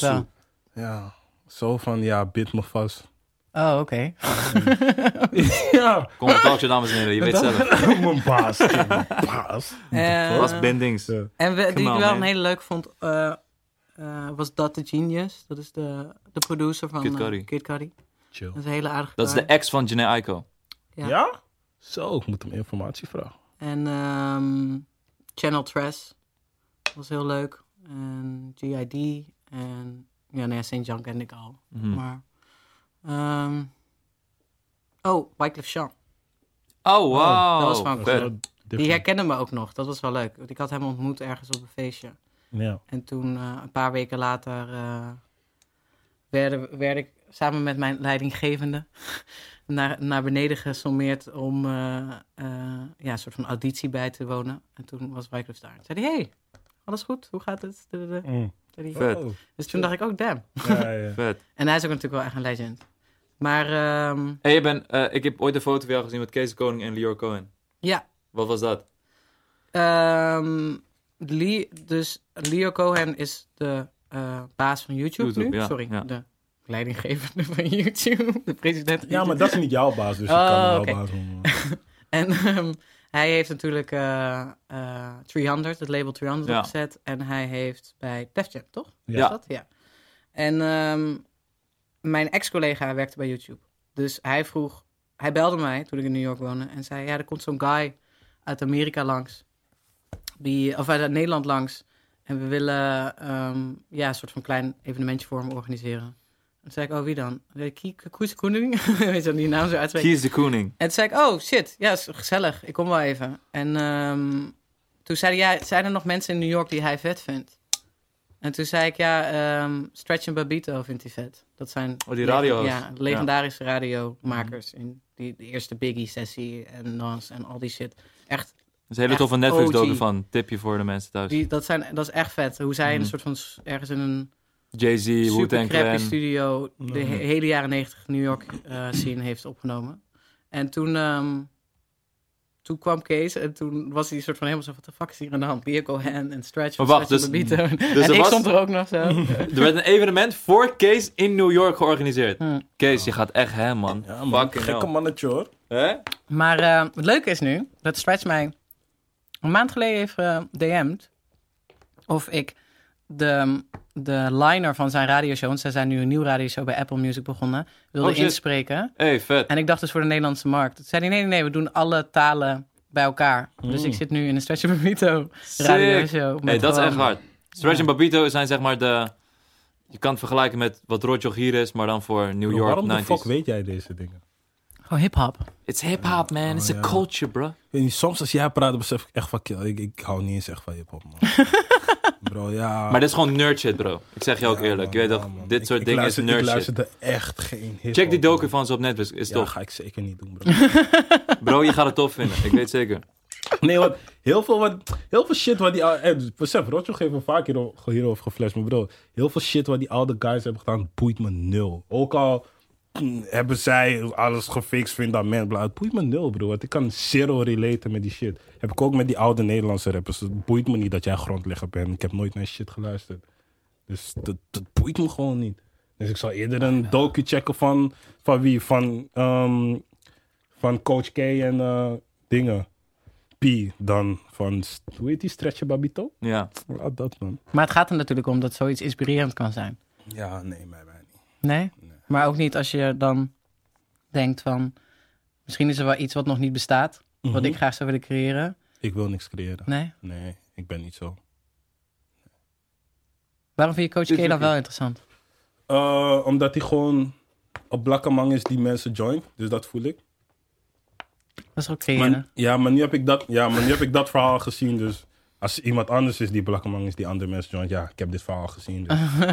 dat heb ik altijd met die voetbal eh, eh, eh, autobiografieën. Ik denk altijd van, ja, hoe Ja. kan je dit verhaal nog lezen? Ja, Ja. Yo, ik was een jong, ik was een jonge guy. Ik had alleen voetbal in mijn mind. Ja, mijn vader was er echt. Maar toen ben ik mijn vader verloren. En toen dacht ik, nu moet ik ervoor gaan, bro. Ik vind voetballen. uh, van voetbalbiografie echt super vet. Ja, ja. Dat is weer die nerd shit Ja, in mij. je? Maar, maar het is voor een publiek. Wesley Snyder biografie, Ja, geweldig. het is voor een publiek. Anders hey, was wacht. het er niet. Als ik er één, bro, ben ik serieus? Je moet die van Vincent Bogarde gaan lezen, man. Ja, die En heb ik wel echt vaak gehoord. die, gaat, die gaat niet over van, yo, en toen brak ik mijn been. De, ehm, het gaat echt over de struggle van een eh, zwarte voetbalspeler in de jaren 90, bro. Mhm. Het is, it, dat is een van de eerste die ik heb gelezen. En sindsdien ben ik hooked aan voetbalbiografie. Maar geen één tip aan die van hem. Oké, ik ga het proberen, man. Ehm wat wou ik vragen?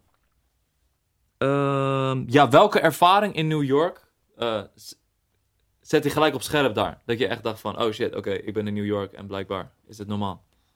Kan iets heel klein zijn, kan iets sommerend zijn, kan iets raars zijn, kan iets, Uh, iets wat in het boek staat. de eerste, de nacht voordat ik zou gaan werken, ehm, toen werd ik om één uur s'nachts gebeld door een bevriende manager. En die zei, oh, je begint morgen aan je 1 baan toch? Kom anders hier even naar de studio toe. En toen was ik naar die ene studio gegaan waar, sorry, is een OG, eh eh, Tupac, of eh, Biggie, Tupac wat toen was neergeschoten, weet je nog? Mhm. Die op Die Times. Square, ja. Oh ja, En toen ehm, zat Kodak Black daar. En toen moest Oh. ik gewoon even dat is wel hard. checken hoe zo'n sessie zou gaan. En Mhm. gewoon linken met het management daarvoor als ik nog iets nodig zou hebben van Kodak Black's team. Mm. Toen dacht ik, oh wow, dit is de eerste dag. En ik heb meteen al een soort van... Nummer 1 stond hij toen ook. Mij. Iedereen- Dat was net daarvoor. Iedereen die naar Amerika gaat, lijkt zo'n verhaal te hebben. Gewoon alsof het zo snel gaat. Ja, als je Maar gaat gewoon, het ook echt zo snel? gaat, als je, in bin, dat, als je, in binnen die, kring zit, ja. Moved, zeg maar, dan is dat gewoon eh, ja, vanzelfsprekend. Maar net als hier voor heel veel mensen in Nederland, Mhm. gewoon kids uit, weet ik veel, Limburg en zo, is voor hun Nederlandse rappers ook zo. Zeg Oh maar ja, van, yo, hij was gewoon met Jo Silvio, what the fuck. Ja, en voor ons is van, je weet toch, we zien hem vaker, Mhm. bij wijze, gewoon om een voorbeeld te noemen. Maar daar is, is precies daar zo, man. Oh ja. Ik had ook eentje, was, eh, jullie kennen wel toch eh Thundercat? Ja? Mhm. En ehm, ik zou dus met een eh, paar vrienden naar ehm, Travis Scott gaan in, in Madison Square. En toen moest ik wachten in een hotel, ergens in de lobby. Totdat een van de, een van de mensen die ik kende, die moest haar laten knippen. Dus dan moet je wachten. en toen ging ik wachten. En Toen zat er een guy, of een guy zat er al en hij zwaaide zo naar mij. Dus ik dacht, oh, hij is waarschijnlijk de kapper of zo, of whatever. Mhm. Hij is ook nog aan het wachten op iets. En eh, dus ik zit vet lang met hem te praten, echt zeker een half uur of zo. En die vriend die komt naar beneden en die zegt, oké, zijn we klaar om te gaan? Dus ik denk, oh, maar moet je die nog knippen? Nee, ik ben al geknipt. Oh, oké, cool. Dus ik kijk naar die guy. Ik zo, was wie, ik zo, wie de... Zo, nee, nee, dat was Hij had dreads, dus hij moest alleen een beetje bijwerken. Maar toen, ehm, dus ik dacht, oh, oké, dan, dan, wie de fuck heb ik net tegen, zo lang tegen gesproken? En Mhm. gelukkig heb ik niks gevraagd over haar knippen, want hij doet dat blijkbaar niet. En toen zaten we in de, in de auto en toen was het blijkbaar Thundercat, waar ik dus een Oh. half uur lang gewoon vet gezellig heb mee te praten over Grappig, absoluut helemaal niks. Ja, ja, ja. En, toen, eh, en toen kwamen we daar en dan staat daar, want dan zit je in zo'n zo'n VIP-ruimte, omdat je dan, dan met mensen hangt die Travis kennen. En dan staat Buster Rhymes daar in de hoek, heel verlegen te zijn. En ehm weet die ene guy nou weer van Louis Vuitton? Virgil. Virgil zit daar ook. En daar, daar raak ik ze dan helemaal hyped op over. Mm. Dat Virgil daar dan is. Maar Basta wordt echt een soort van genegeerd. En denk ik, Ja. oh, is Basta Rhymes. Waar hebben jullie het over? Shit, Ja, man. maar ja. Lijkt me echt heftig, mentaal. Bro, sneller rap is uit de mode, nee. Waarom ben je gestopt bij Arista? Uiteindelijk. Ehm, omdat, ehm, Het is een dream job, A&R in New York. ja, Veel mensen naar Wel een leuk streven. verhaal voor, eh, later, man. dat ik dat gedaan heb. Ja. Ja.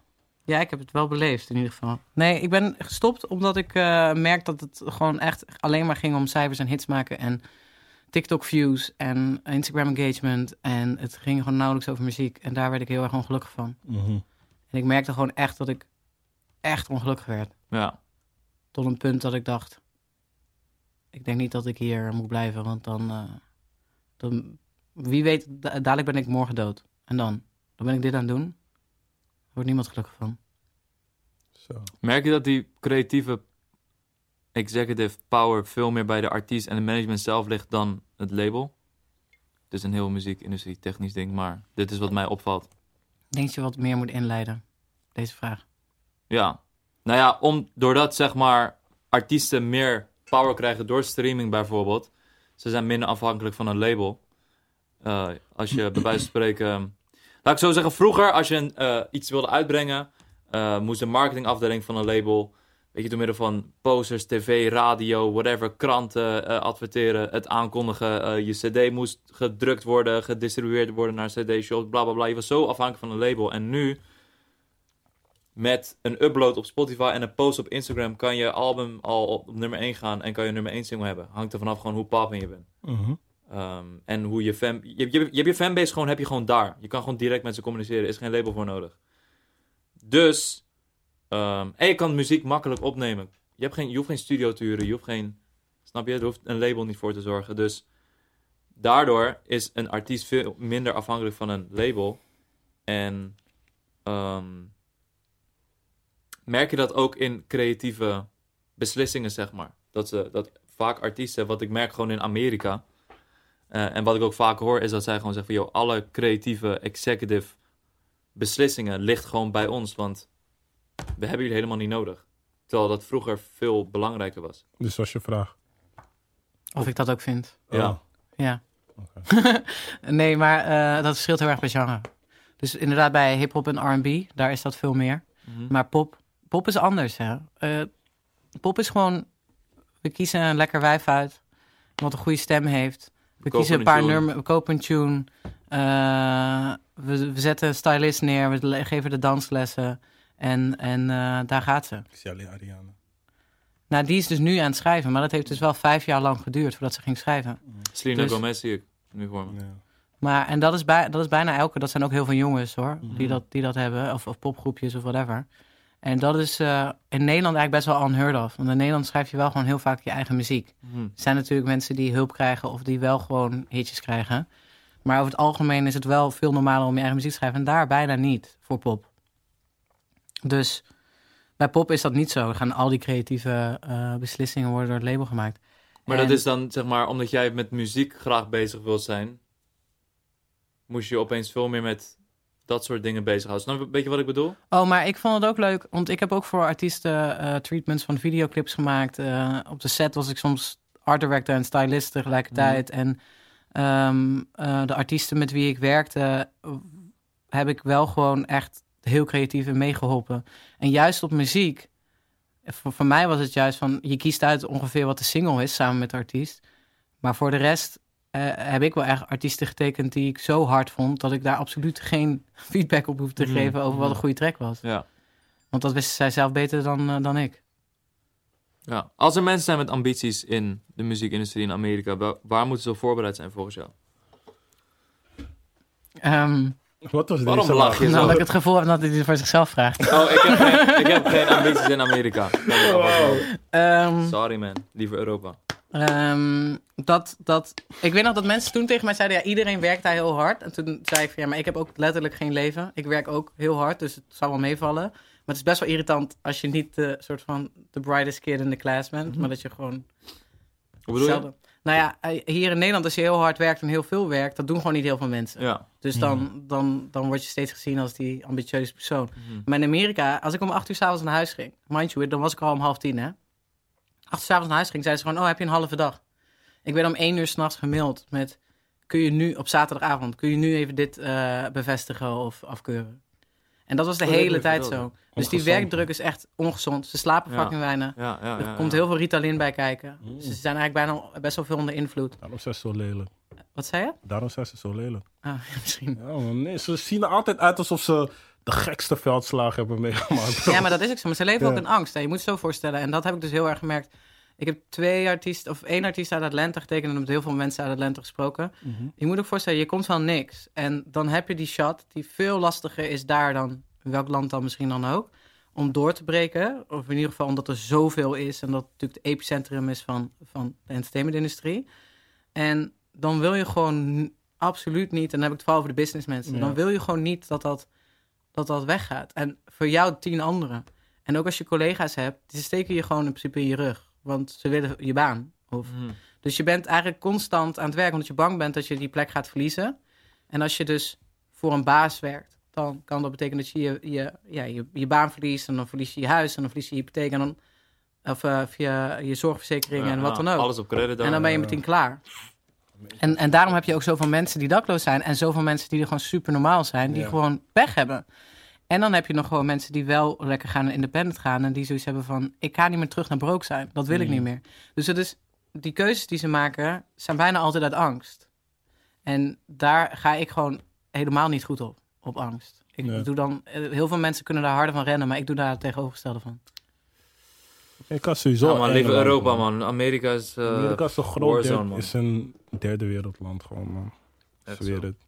Echt zo. Hoe kijk je naar de hedendaagse hip-hop muziek in Nederland? Cliché vraag. Pling. Mm. Ja, ik denk dat het nu in de wel... gaten? Ja, soms. Oké. Niet, niet meer zo Mhm. als eerst natuurlijk.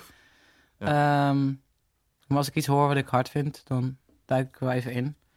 Ik denk dat het wel eh, weer... Ik denk dat die piek van die soort van ja, gouden platen massa-hysterie wel een beetje geweest is. En dat nu al komt op een punt waar mensen dus ook...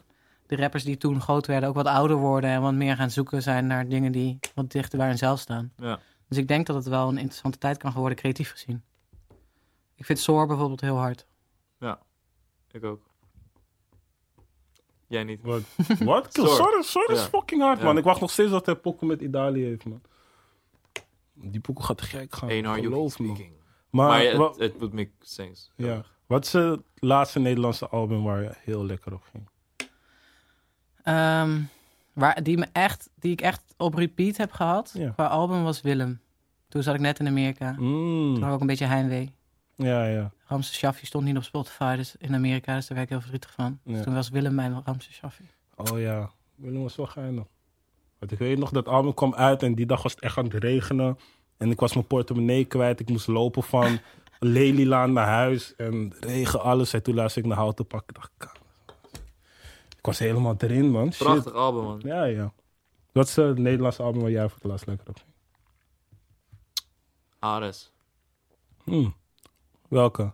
Eh, die begin dit jaar uitkwam. Oké, Lotus. Lotus. Ja, Lotus. is- Die staat sowieso in mijn top 3, man. Die en die van Idali staan echt in mijn top 3, man. Italië nu ook. Ja, Ik hou Idali. van... eh, daar hoor je gewoon een soort van Hunzelf. conceptueels. Ja, iets Ja, van zelf. En het is, niet, het is geen lijst met tunes of zo. Ja, klopt. Ja, bij Italië hoor je echt gewoon... Ik vind, ik vind het nice wanneer je hun groei hoort... of wanneer ze eventjes die hitjes skippen. Want nu is die periode dat... Ja. Ja, je hebt toch je shows, dus je focust minder daarop. Dus daarom ik vind het kut dat Voodoo erop staat. Dus Voodoo is echt... Het hoefde niet erop. Maar dan praat ze over zichzelf. Ze geven een update. Want bijvoorbeeld... Hij zegt, oké, één moment... Bijvoorbeeld op zijn vorige album zegt hij bijvoorbeeld over Titi. Ik ken Titi niet eens. Mhm. Ene album zit hij vast. Andere moment komt hij vrij. En nu krijgt hij ineens een kind. Mhm. Is toch wel een update die je hebt gekregen van, Ja. je weet toch van Ja, hem. ja. Dus je luistert Kijk met hem mee, je denkt mee. En dat zijn die albums die ik voel. Dus daarom Hef gaat volgende maand een album erop. Volgens mij wordt dat ook in mijn top 3, vast wel. Ja, bij Hef Ja. is het ook vet om dat te horen Ja. inderdaad. Die, die groei ook van hem. Ja, man. Stories Ja. gewoon. Dus we gaan het checken. hoe kijk je naar die situatie eh, met corona, die het hele live element in muziek platlegt? Hoe moeten artiesten moven? Consultant. Kom jij even met de... Sorry Ron, maar de, de kleine consultants hier gaan wel. Ehm, een andere baan zoek meer grapje. nee, even kijken. Shit. Ik denk dat, eh, ik denk dat je gewoon moet, moet gaan focussen op, eh, op het creëren nu. Want weet je, al die plannen van live optreden en livestreamen. En natuurlijk moet je wel een gesprek met je fans aan blijven houden. En kijken hoe je dat op een toffe manier kan doen. Alleen het duurt nu bijna een jaar al, hè. Het is echt crazy. Dus het is ook wel een kwestie van... ga maar gewoon lekker op jezelf focussen... en kijken om iets hards te Mm. maken. En zorg gewoon dat muziek uitkomt. Je hebt nog geluk dat je een artiest bent... en dat je muziek uit kan brengen. Je had ook zomaar bij Mojo kunnen werken... en dan ben je gewoon een Sjaak. Ik bedoel, Ja, oh ja, wauw. dus het is, weet je, die ik vind dat live element nog het ergste voor de mensen die in de live industrie werken. Ja. Meer dan de artiesten, eerlijk gezegd. Ja, De artiesten kunnen tenminste nog geld pakken op streams en shit uitbrengen en dingen doen. ja, man. Ik zie sommige artiesten worden ook influencer deze dagen. Ja. Nee, zijn We gaan ze... zomaar in jouw dingen zitten. Come on man. Huh? Niet. Wat dan? Voel, je, voel dat zo? Denkt, hé, opeens ben je influencer nu. Ja, gewoon ineens je ziet ze lopen dingen te promoten. Je weet, het is betaalde promo. Maar ja, je moet ook overleven. Maar hey, mensen, doe alles om te overleven. Al moet je normaal gaan werken. Je bent niet te cool om normaal te gaan werken. Zoek gewoon. Je hoeft niet per se een supermarkt. Je kan ook iets anders leuks vinden om te doen. Ja, dat lijkt me wel echt vervelend. En dat, dat, ik vind dat we misschien nu gewoon moeten besluiten voor iedereen dat ze gewoon een baan kunnen zoeken. Ja, En dat niemand ze judge, want iedereen begrijpt waarom het nu niet lukt. ja, ja. En dat lijkt me En vervelend dan als je, supporten je dood.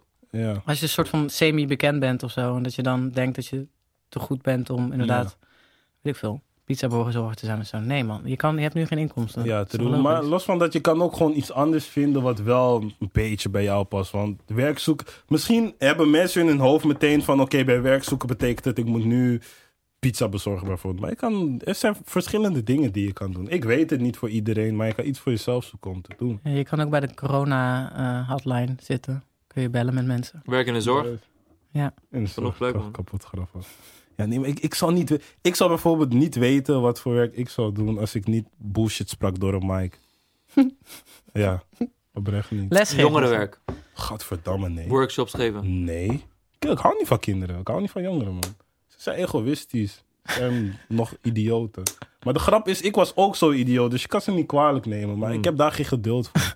dus ik weet niet, maar ik denk eerder ik zou bij, bij label werken of zo. Of zoiets. Maar ik denk niet dat ik ooit eh, bij dingen zou Sony? Sony? Wat is dat? Zou dat werken? Oh, ik weet niet. Hey, hits en line, man. Heb je wel een baas? Ik weet niet. Nee. Maar kijk, en dat is zeg maar dat ding waardoor ik denk dat het niet zou lukken. Want bij allemaal baantjes, ik ben zo snel ontslagen. Wat, ik weet nog één keer, ik ehm, werkte bij zo'n ehm, babywagenbedrijf, maar ik deed administratie. Maar nu, ik was klaar. Maar mijn werkgever, hij was gewoon, hij moest eerder weg, bla bla. Hij zegt, hé, hey, fix jij dat even. Ik zeg van, joh, ik ben klaar, man. Hij zegt, ja, maar je moet dit toch wel even doen. Want ik heb. Ik dacht, ik donder op, man. En toen ben ik gewoon weggegaan. Ben ik ontslagen ook wel, maar... Ik had daar al niet tegen. Hoe bedoel je, ja, fix dit even? Ja, sorry, alsjeblieft, ik moet weg. Zou jij het alsjeblieft kunnen doen? Eh, je helpt me mee. No spang, got you. Hoe kon je me zeggen, ik moet het doen? Denk je? Omdat je me betaalt bij mijn baas, hè? Eigenlijk wel, maar... ja, snap je? Dus ik weet niet wat ik zou doen. Wat zou jij doen? Ehm Footlocker. Ik zie hem sowieso in zijn shirt al. Ik eigenlijk ook wel. Ja. Yo, eh, we hebben een nieuwe Air Force. eh, ik heb, eh, ik heb eh, in het verleden heb ik bij Perry Sport heb ik bij de voetbalschoenen gestaan. Dat was mijn droombaan. Ja. Dat was mijn droombaan. Hele Ja. dag in Ik ben voetbalschoenen fanaat. Dus Ja. kon, kon ik allemaal kleine kids zeggen van... Hey, dit zijn, deze draagt Ronaldo. Deze draagt Messi. Dus wie wil je zijn? Maar ik heb ook nog deze. Zo, ik vond het geweldig om Mijn, te doen, favoriet, mijn favoriete baantje was wel bij Carhartt. Daar heb ik echt genoten, man. Ik Ja? weet nog, zij hadden me op party niks doorgezet. Ik was van, wie, what the fuck, man? Dat was echt chill. Ja, man. Die eh, bij Negen Straatjes. Ja, Heb je daar gewerkt? Leuk, ja, man. 2013. Ik verdiende niks. 3,9 euro per uur, man. Shit. Ik had één Blueblood broek gekocht. Ik was scared. Ja, maar ik, was ook echt, ik werkte ook maar acht uurtjes in de week of zo. daar niet van. Ik werkte Ja, bij. Fans. Ja? Ja. Welke? Uh, Ook in Negenstraatjes. Ja. Toen, eh, maar ik had altijd een kater. Dus dan stond ik bij de schoenen en dan was ik alweer vergeten wat iemands maat was. Ja, Zo gênant. Kom je ook echt met alle dozen. Ja, ik wist niet meer. Ik was, het Ja. valt een beetje raar. Valt een beetje klein. Oh, nee, ik herinner me nog toen, toen ik daar werkte, ik was 16. En toen was er appelsap. Iedereen had het over appelsap. Ik had geen idee wat dat was. Nu was ik gewoon alleen op de werkvloer met mijn manager. En ik vroeg, hé, waar is iedereen? Ze zeggen, ja, naar appelsap wil je niet gaan. Maar het kon toen niet, want het was 18 plus of zo. Dus toen heb ik het gemist. Ik ben pas vorig jaar voor het eerst naar appelsap gegaan uiteindelijk. Vond je het leuk? Nee, niet per se, man. Maar je houdt ook niet van live muziek dus. Oh, niet dat, maar... Oh, nee, ik lieg. Ik vond het kapot leuk, man. Wat bedoel je? Want we deden Convo daar. De Convo live was wel echt chill om te doen. En Opposites ging optreden. Ik was van, oh, dit? Ja, man. Nee, dat was echt een nee, leuke dag. Appelsap was wel echt leuk. Dat was echt een leuke Appelsap was leuk. Ja, man. Ik ben ja. naar Appelsap en Hoera voor het eerst geweest vorig jaar. En ik had het echt naar mijn zin, man. Was ook echt leuk. Zo, Artist Village. Die chaps, broer. Ik was... Bro, ik heb niet eens naar optredens gekeken. Ik ging gewoon de hele tijd eten, eten, eten. Desperados, eten, eten, eten. Ik heb, ja. Dat is echt leuk. Is Maar echt ja, leuk. het is wel kut om als je hip-hop talkshow hebt naar een hip-hop festival te gaan. Ja, Want nu Dat praat iedereen herkent. Ja, man. En nu, ik weet nog bij hoe ik sprak met de chick. Ik was heet, je weet toch? Ik was op de. Een guy begint gewoon in mijn oor te rappen. Gewoon. Hij zegt: hey bro, luister. Ik dacht: what the fuck, broer? dat was echt ziek, man. Dat was echt ziek. Ik ga dat nooit ja, meer ja, vergeten. ja, nek, nek. Nee, nek, maar nek. hoe Dus ze komen zo naar je toe lopen. Je weet Ja, wel, die man. luidspreek gaat in je oor en je Ja. hoort... hey, broer, is niet normaal, man. Bro, DM mij. Oké, ehm, kan je me volgen? Bro, Ja. DM mij. Nee, maar ik, Maar waarom ze- geef je niet gewoon een e-mailadres? Doe ik ook soms. Heb ik ook soms gedaan, ja. DM's zijn, DM's is irritant, man. want Ze kunnen meteen zien of je het gelezen hebt en shit. To be honest, mijn line is gewoon de M Armin, man. ik zweer het. Ik zeg, Merk. con- ik zeg, Vandaar. connect, ik zeg connect Armin. Connect Armin. Makes sense. It will all make sense. Welke playlist zou je nu maken als je voor Spotify eh, Nee, voor jezelf. zou werken? Waarom Spotify? Of voor jezelf? Ja, gewoon, ik wil het... Nou, maar die vraag even mooi voor me, man, bro. Hé, hey, maar we hebben het nog helemaal niet over gehad over playlists die ik gemaakt heb voor dit boek. Heb je playlist gehad? Voor Ja, Er dus- een playlist eh, eh, gemaakt eh, bij dit boek. Moet je even openslaan. Dat is wel echt tof, zeg maar, ehm, aan dit boek. Nu je erover begint, klinkt het heel net, maar daar ben ik oprecht, eh, eh, meen ik oprecht. Als je het boek leest, is er na bijvoorbeeld elk hoofdstuk of elk gedeelte, zie je lyrics voorbij komen Mm. van tunes. En je hebt daar een playlist aan gekoppeld aan dit boek, zodat zeg maar als je het boek leest, ehm, Wat is die playlist? Hij heet Anxiety. ja, Maar je kan hem dus hier scannen. Wacht. ja, Oh, wauw. Spotify's QR-code. Ik heb nog nooit in mijn leven een QR-code van Spotify gescand tot dit moment. Hey. Oké, geinig dit, man. Dus dan ben je in de vibe van, weet, weet ik veel, verdriet of stress of iets. En dan past daar een tune bij. En dan luister je die tune. Oh, Je moet op je in naar Spotify en dan bij je Ja. zoekbalk. Zo, je bepaalt dat ik premium heb. Misschien heb ik eh free. nee, grap. Zoekbalk, hier zo. Ja, nee, ja, Oh. daar. Oh ja. En dan, ja, die ja. Oh, wauw. Maar, Yo. eh, En bij elk gedeelte van het boek hoort een tune die de vibe een beetje... Zo. Ja. Anxiety. Oh, Miss Jackson. Oké. Vier keer duur, dat komt kapot te rennen met tussen. ja. die staat er erg random Oh, in. Ja. Maar het is dus, de, is dus eh, er worden heel veel liedjes in het boek besproken. Mhm. En in plaats van dat je dat dan zelf... Ik heb wel eens boeken gelezen namelijk die, ehm, die het dan over muziek hebben, maar dat was het dan ook. Mhm. En toen dacht ik, het is eigenlijk best wel fijn als je dat gewoon bij de hand hebt. Dus eh, ja, Pussy Monster bijvoorbeeld. Of ja, Maar komt een wel- Biggie track wel- volgens mij in. Ik check nu die hele lijst. en Vier keer duur, er staat er nog meer random in voor me. Dus hoezo staat Ja, en duur? ja, dat merk je wel als je het leest. oké. Het is een- Het is een, klein, is een kleine knipoog. Is. Maar ehm, ik heb dus ook twee nummers voor het boek gemaakt. Mhm. Dus ik was voor de rapper Strijder. Strijder, Was ik, ja. eh, ik dacht, als ik nou zijn gedachten kan beschrijven als in teksten... in plaats van dat hij een super op- open en eerlijk gesprek heeft met een vriend van hem... wat misschien niet zo heel erg voor de hand ligt... dat, hij opeens hele hart gaat luchten of zo. Toen dacht ik, als het nou in zijn- in zijn teksten doet... dan is het wat, ja, wat logischer. Mm. Dus toen had ik teksten geschreven. En toen dacht ik, het is eigenlijk raar dat het niet een nummer is. Ik moet hier eigenlijk een nummer van maken. Dus toen heeft mijn vriend die beat geproduceerd. Toen heb ik Bres, Brian, ehm, heeft het ingerapt. Dus die nummers staan ook op Spotify. Die staan ook in de playlist. Ja, zag ik. En die kan je dus, ehm, die kan je dus ook luisteren. En eh Bres is nu ook eh, het luisterboek in het, in het spreken. En dat wordt echt vet. Want je weet hoe goed hij is met stemmen. Hij heeft toen die Bres-sessies gedaan waar hij toen Lijpen en Seven Ja, ja, en. Mm. al die, als je dat nu nooit hebt gecheckt, moet je dat checken op YouTube. Press ses- sessie. En eh, ja, hij kan dus fucking goed die stemmen nadoen. Dus dat is heel leuk voor mij om te, te luisteren. Want dan heb ik echt het gevoel dat mijn boek gewoon tot leven komt. Ja. Oké, geinig. Dus deze playlist zou ik maken. Aha, leuk antwoord. Nee, maar nu even serieus. ik had, ehm, ik had eh, toen corona net begon, had ik twee playlists gemaakt. Stay Vertical en Stay eh, Horizontal. En dat ging dus over binnenblijven. Kijk, de creatief zijn. En, eh, en de vertical was uiteraard dansen. En de horizontal was het chillen. Mhm. En dat waren alleen maar independent artiesten. Omdat, Oh, eh, en ook alleen maar levende artiesten. Omdat ik probeer nu zo min mogelijk naar dode artiesten te luisteren. Omdat nu meer dan ooit... meer? Nee, nee, maar nu meer dan ooit hebben artiesten... en vooral independent artiesten jouw support nodig. Dus als je dat veel streamt, dan kunnen ze nog in, eh, inkomsten Ja. krijgen. En als ik alleen maar dode mensen I stream... did some wrong, Dus, but I'm always right. I know how to shoot. Ik mis die man, man. Alsof het mijn broer was, man. Pop Smoke. Ja, man. Rest in peace. ja, daar mag je dus niet meer naar luisteren. nu. Ja, ja, ja. Daar zie je überhaupt naar popsong.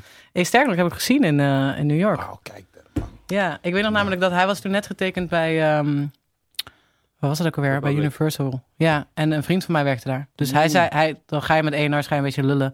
En hij zei van, eh, wat heb jij getekend? Toen zei ik wat ik heb getekend. Toen zei, hij, zei ik, wat heb jij getekend? Hij zei Pop Smoke. Ik zei, oh, nooit van gehoord. Toen ging ik zo kijken. Toen had hij ook echt maar 5000 streams of zo. Ja. En toen luisterde ik naar stem en dacht ik, damn, deze, deze guy. en toen heb ik hem, eh, ja, bij MoMA toen gezien. Het was wel echt een hard optreden, jongen. En ik weet nog dat ik dan, als je dan de zomer door New York liep, hoorde je iedereen dat nummer pompen. Ja. En toen heb ik nog, mij had ik nog Maarten van Mojo gebeld van, yo, deze gast, dit gaat hem worden volgend, volgende Op seizoen. Hoeha staan. Ik had er Ja. echt zin in, man. Hey, Het mocht free niet zo zijn. Ook, man. Het mocht Ik had niet er echt zo zin zijn. in. Ja, wel echt zielig. Ja. M- m- m- Mattie, man. Ik ben hem kwijt. Shit. Waar ga je de komende tijd op focussen? Consultancy? Nou, daar ga ik niet, echt, niet per se op focussen hoor. Ik geef les. Eh, dat was meer gewoon omdat ik zoiets heb van... ja, ik kan niet de hele tijd nee zeggen. ja. ik moet ook gewoon... Dit kan wel gewoon een manier zijn om mensen te helpen. Mhm. Dus ik geef les. Ik ben bezig met mijn volgende boek. Ehm, ik, eh, hier komt nog een staartje aan. Aan dit boek. Een vervolgje. Nee, maar er komt nog een andere vorm uit, waarschijnlijk. Ehm, ik eh, ben een podcast aan het ontwikkelen. Die gaat Auksvaart heten. Het gaat over de drie nummers die jij op je uitvaart zou willen horen. Wauw. Dus denk daar maar Ja. alvast over na. Creatief zijn again. Leukste, Wel hè? jaloers op je. Thanks, denk ik. Maar nee, een positieve jaloezie. Maar je kan ook me inhuren voor consultancy. Dan kan ik Ja, je nee, laat dat. En eh, ja, dat. Ik vind schrijven gewoon fucking leuk, man. Oké. Tof. Ik wilde een bladzijde voorlezen, of is dat corny? Nee, doe je ding, bro. Welke ga je voorlezen? Ligt eraan. Eh, die over eh, ehm, de awardkeuze. Oh ja. Leid maar even in, wat eh, volgens jou... Ja, dus dit, dit is een, een juryberaad van een, van een popprijs. ja. En ehm, er wordt gediscussieerd over een ene Amber, een, iemand die al 25 jaar een zangeres is in Nederland, die de oeuvreprijs zou moeten winnen. En de rest van de juryleden zijn het er niet mee eens. En Wietske en eh, Alon zijn, vinden dat van wel. En dit is, dit is de discussie. Jongens, kunnen we onze persoonlijke ervaring wellicht even achterwege laten? Vroeg Wietske. Ik zie namelijk net dat er pas één vrouw met de prijs naar huis is gegaan sinds die bestaat. Wat? Laat eens zien. Pim schrok wakker en trok Wietskes blaadje naar zich toe alsof dat van hem. Alsof dat, alsof dat van hem is. Waar precies hetzelfde op stond, minder seksistische informatie bevatten. Ja, Jezus, gaan we nu echt excuus, excuus om Amber te laten winnen? Daphne rolde met haar ogen en keek naar Sjoerd. Waar de fuck heb jij het over? vroeg Wietske. Excuus truus. Van de drie ex die Sarah net noemde is Amber verreweg de beste en daarnaast, what the fuck is dat voor seksistische kutterm? Seksisme? Ja hoor, Sjoerd, de, de juryvoorzitter was duidelijk aangeslagen. Zullen we het dan ook nog even over Zwarte Piet hebben? Zijn stem sloeg over, alsof die zich op dat moment ook van Sjoerd wilde distancieren. Sorry? Alons stem schoot omhoog. Ja man, wat is het nou voor onzin? Haar laten winnen omdat ze een vrouw is. Dat moet toch helemaal niet uitmaken? Sjoerd keek Wieske woedend aan. Ze komt, toch, ze komt hem toch niet ophalen. Jullie weten allemaal dat Amber een hekel heeft aan awards. Ze komt al jaren niet meer opdagen. Michael sprak als een ervarings, ervaringsdeskundige. Alon viel hem in de reden. Het interesseert me geen reet of ze wel of niet komt. We reiken deze award uit om duidelijk te maken dat Amber een blijvende impact heeft gemaakt met haar repertoire. En ineens, vanuit het niets, alsof hij eindelijk de ruimte had om zichzelf te zijn, zei Freek: Als het een grote zwarte dildo is, komt ze misschien wel ophalen. Wow. Anxiety. Diewertje Wow, Heuvelings. hey, ik had Dames en heren. niet verwacht. The fuck? Je bent er echt doorheen gekomen. Ik heb het boek in één dag uitgelezen, maar dat is natuurlijk omdat ik zelf in muziek heb gewerkt en het mega interessant vind. Maar ik denk oprecht dat mensen die een klein kijkje in de keuken willen van eh, de Nederlandse muziekindustrie en het vanuit het perspectief willen zien van een vrouw die heel lang een belangrijke pion was in de streaming ehm, wereld, raad ik jullie dit echt, eh, echt aan. Het is heel tof geschreven en ehm, ja, Dior, bedankt voor het komen. Dankjewel, jongens. Bedankt voor het komen. Ja, en eh, En heel goed voorgelezen. yes.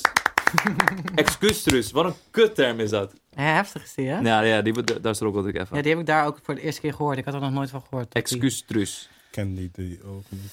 Maar ja, ja, awards. Je kent het wel. Je kent het. Oh, wauw. We zijn lang bezig. Dames en heren, Oh, ik doe even die Matthijs van Nieuwkerk. Dames en heren, Oxity, Diewertje Heuvelings, Yuki Christus, Ja. Diewertje naast mij. Kom voor Talkshow, dames en heren. Ga het boek lezen. Het is nu Ja, te verkrijgen in elke boekhandel, online, bij Dasmag, et cetera, et cetera. Dankjewel. Dankjewel. En, eh, Dankjewel. Vergeet niet te abonneren. Abonneren. Te liken. En ga niet commenten dat we er proberen te fixen of iets. Want ik haat het als vrouwen langskomen en ze commenten dat. Als een guy hier zit, zeg je dat ook niet. Je domme duimen. Tip geen bullshit. Maar ik heb, er- ervan genoten, man. Dit was een leuk gesprek. Zeker. Ja. Ja. Kom voor Talkshow met Diewertje Heuvelings. Oxity. Be out, Go read that. bitch. Boom.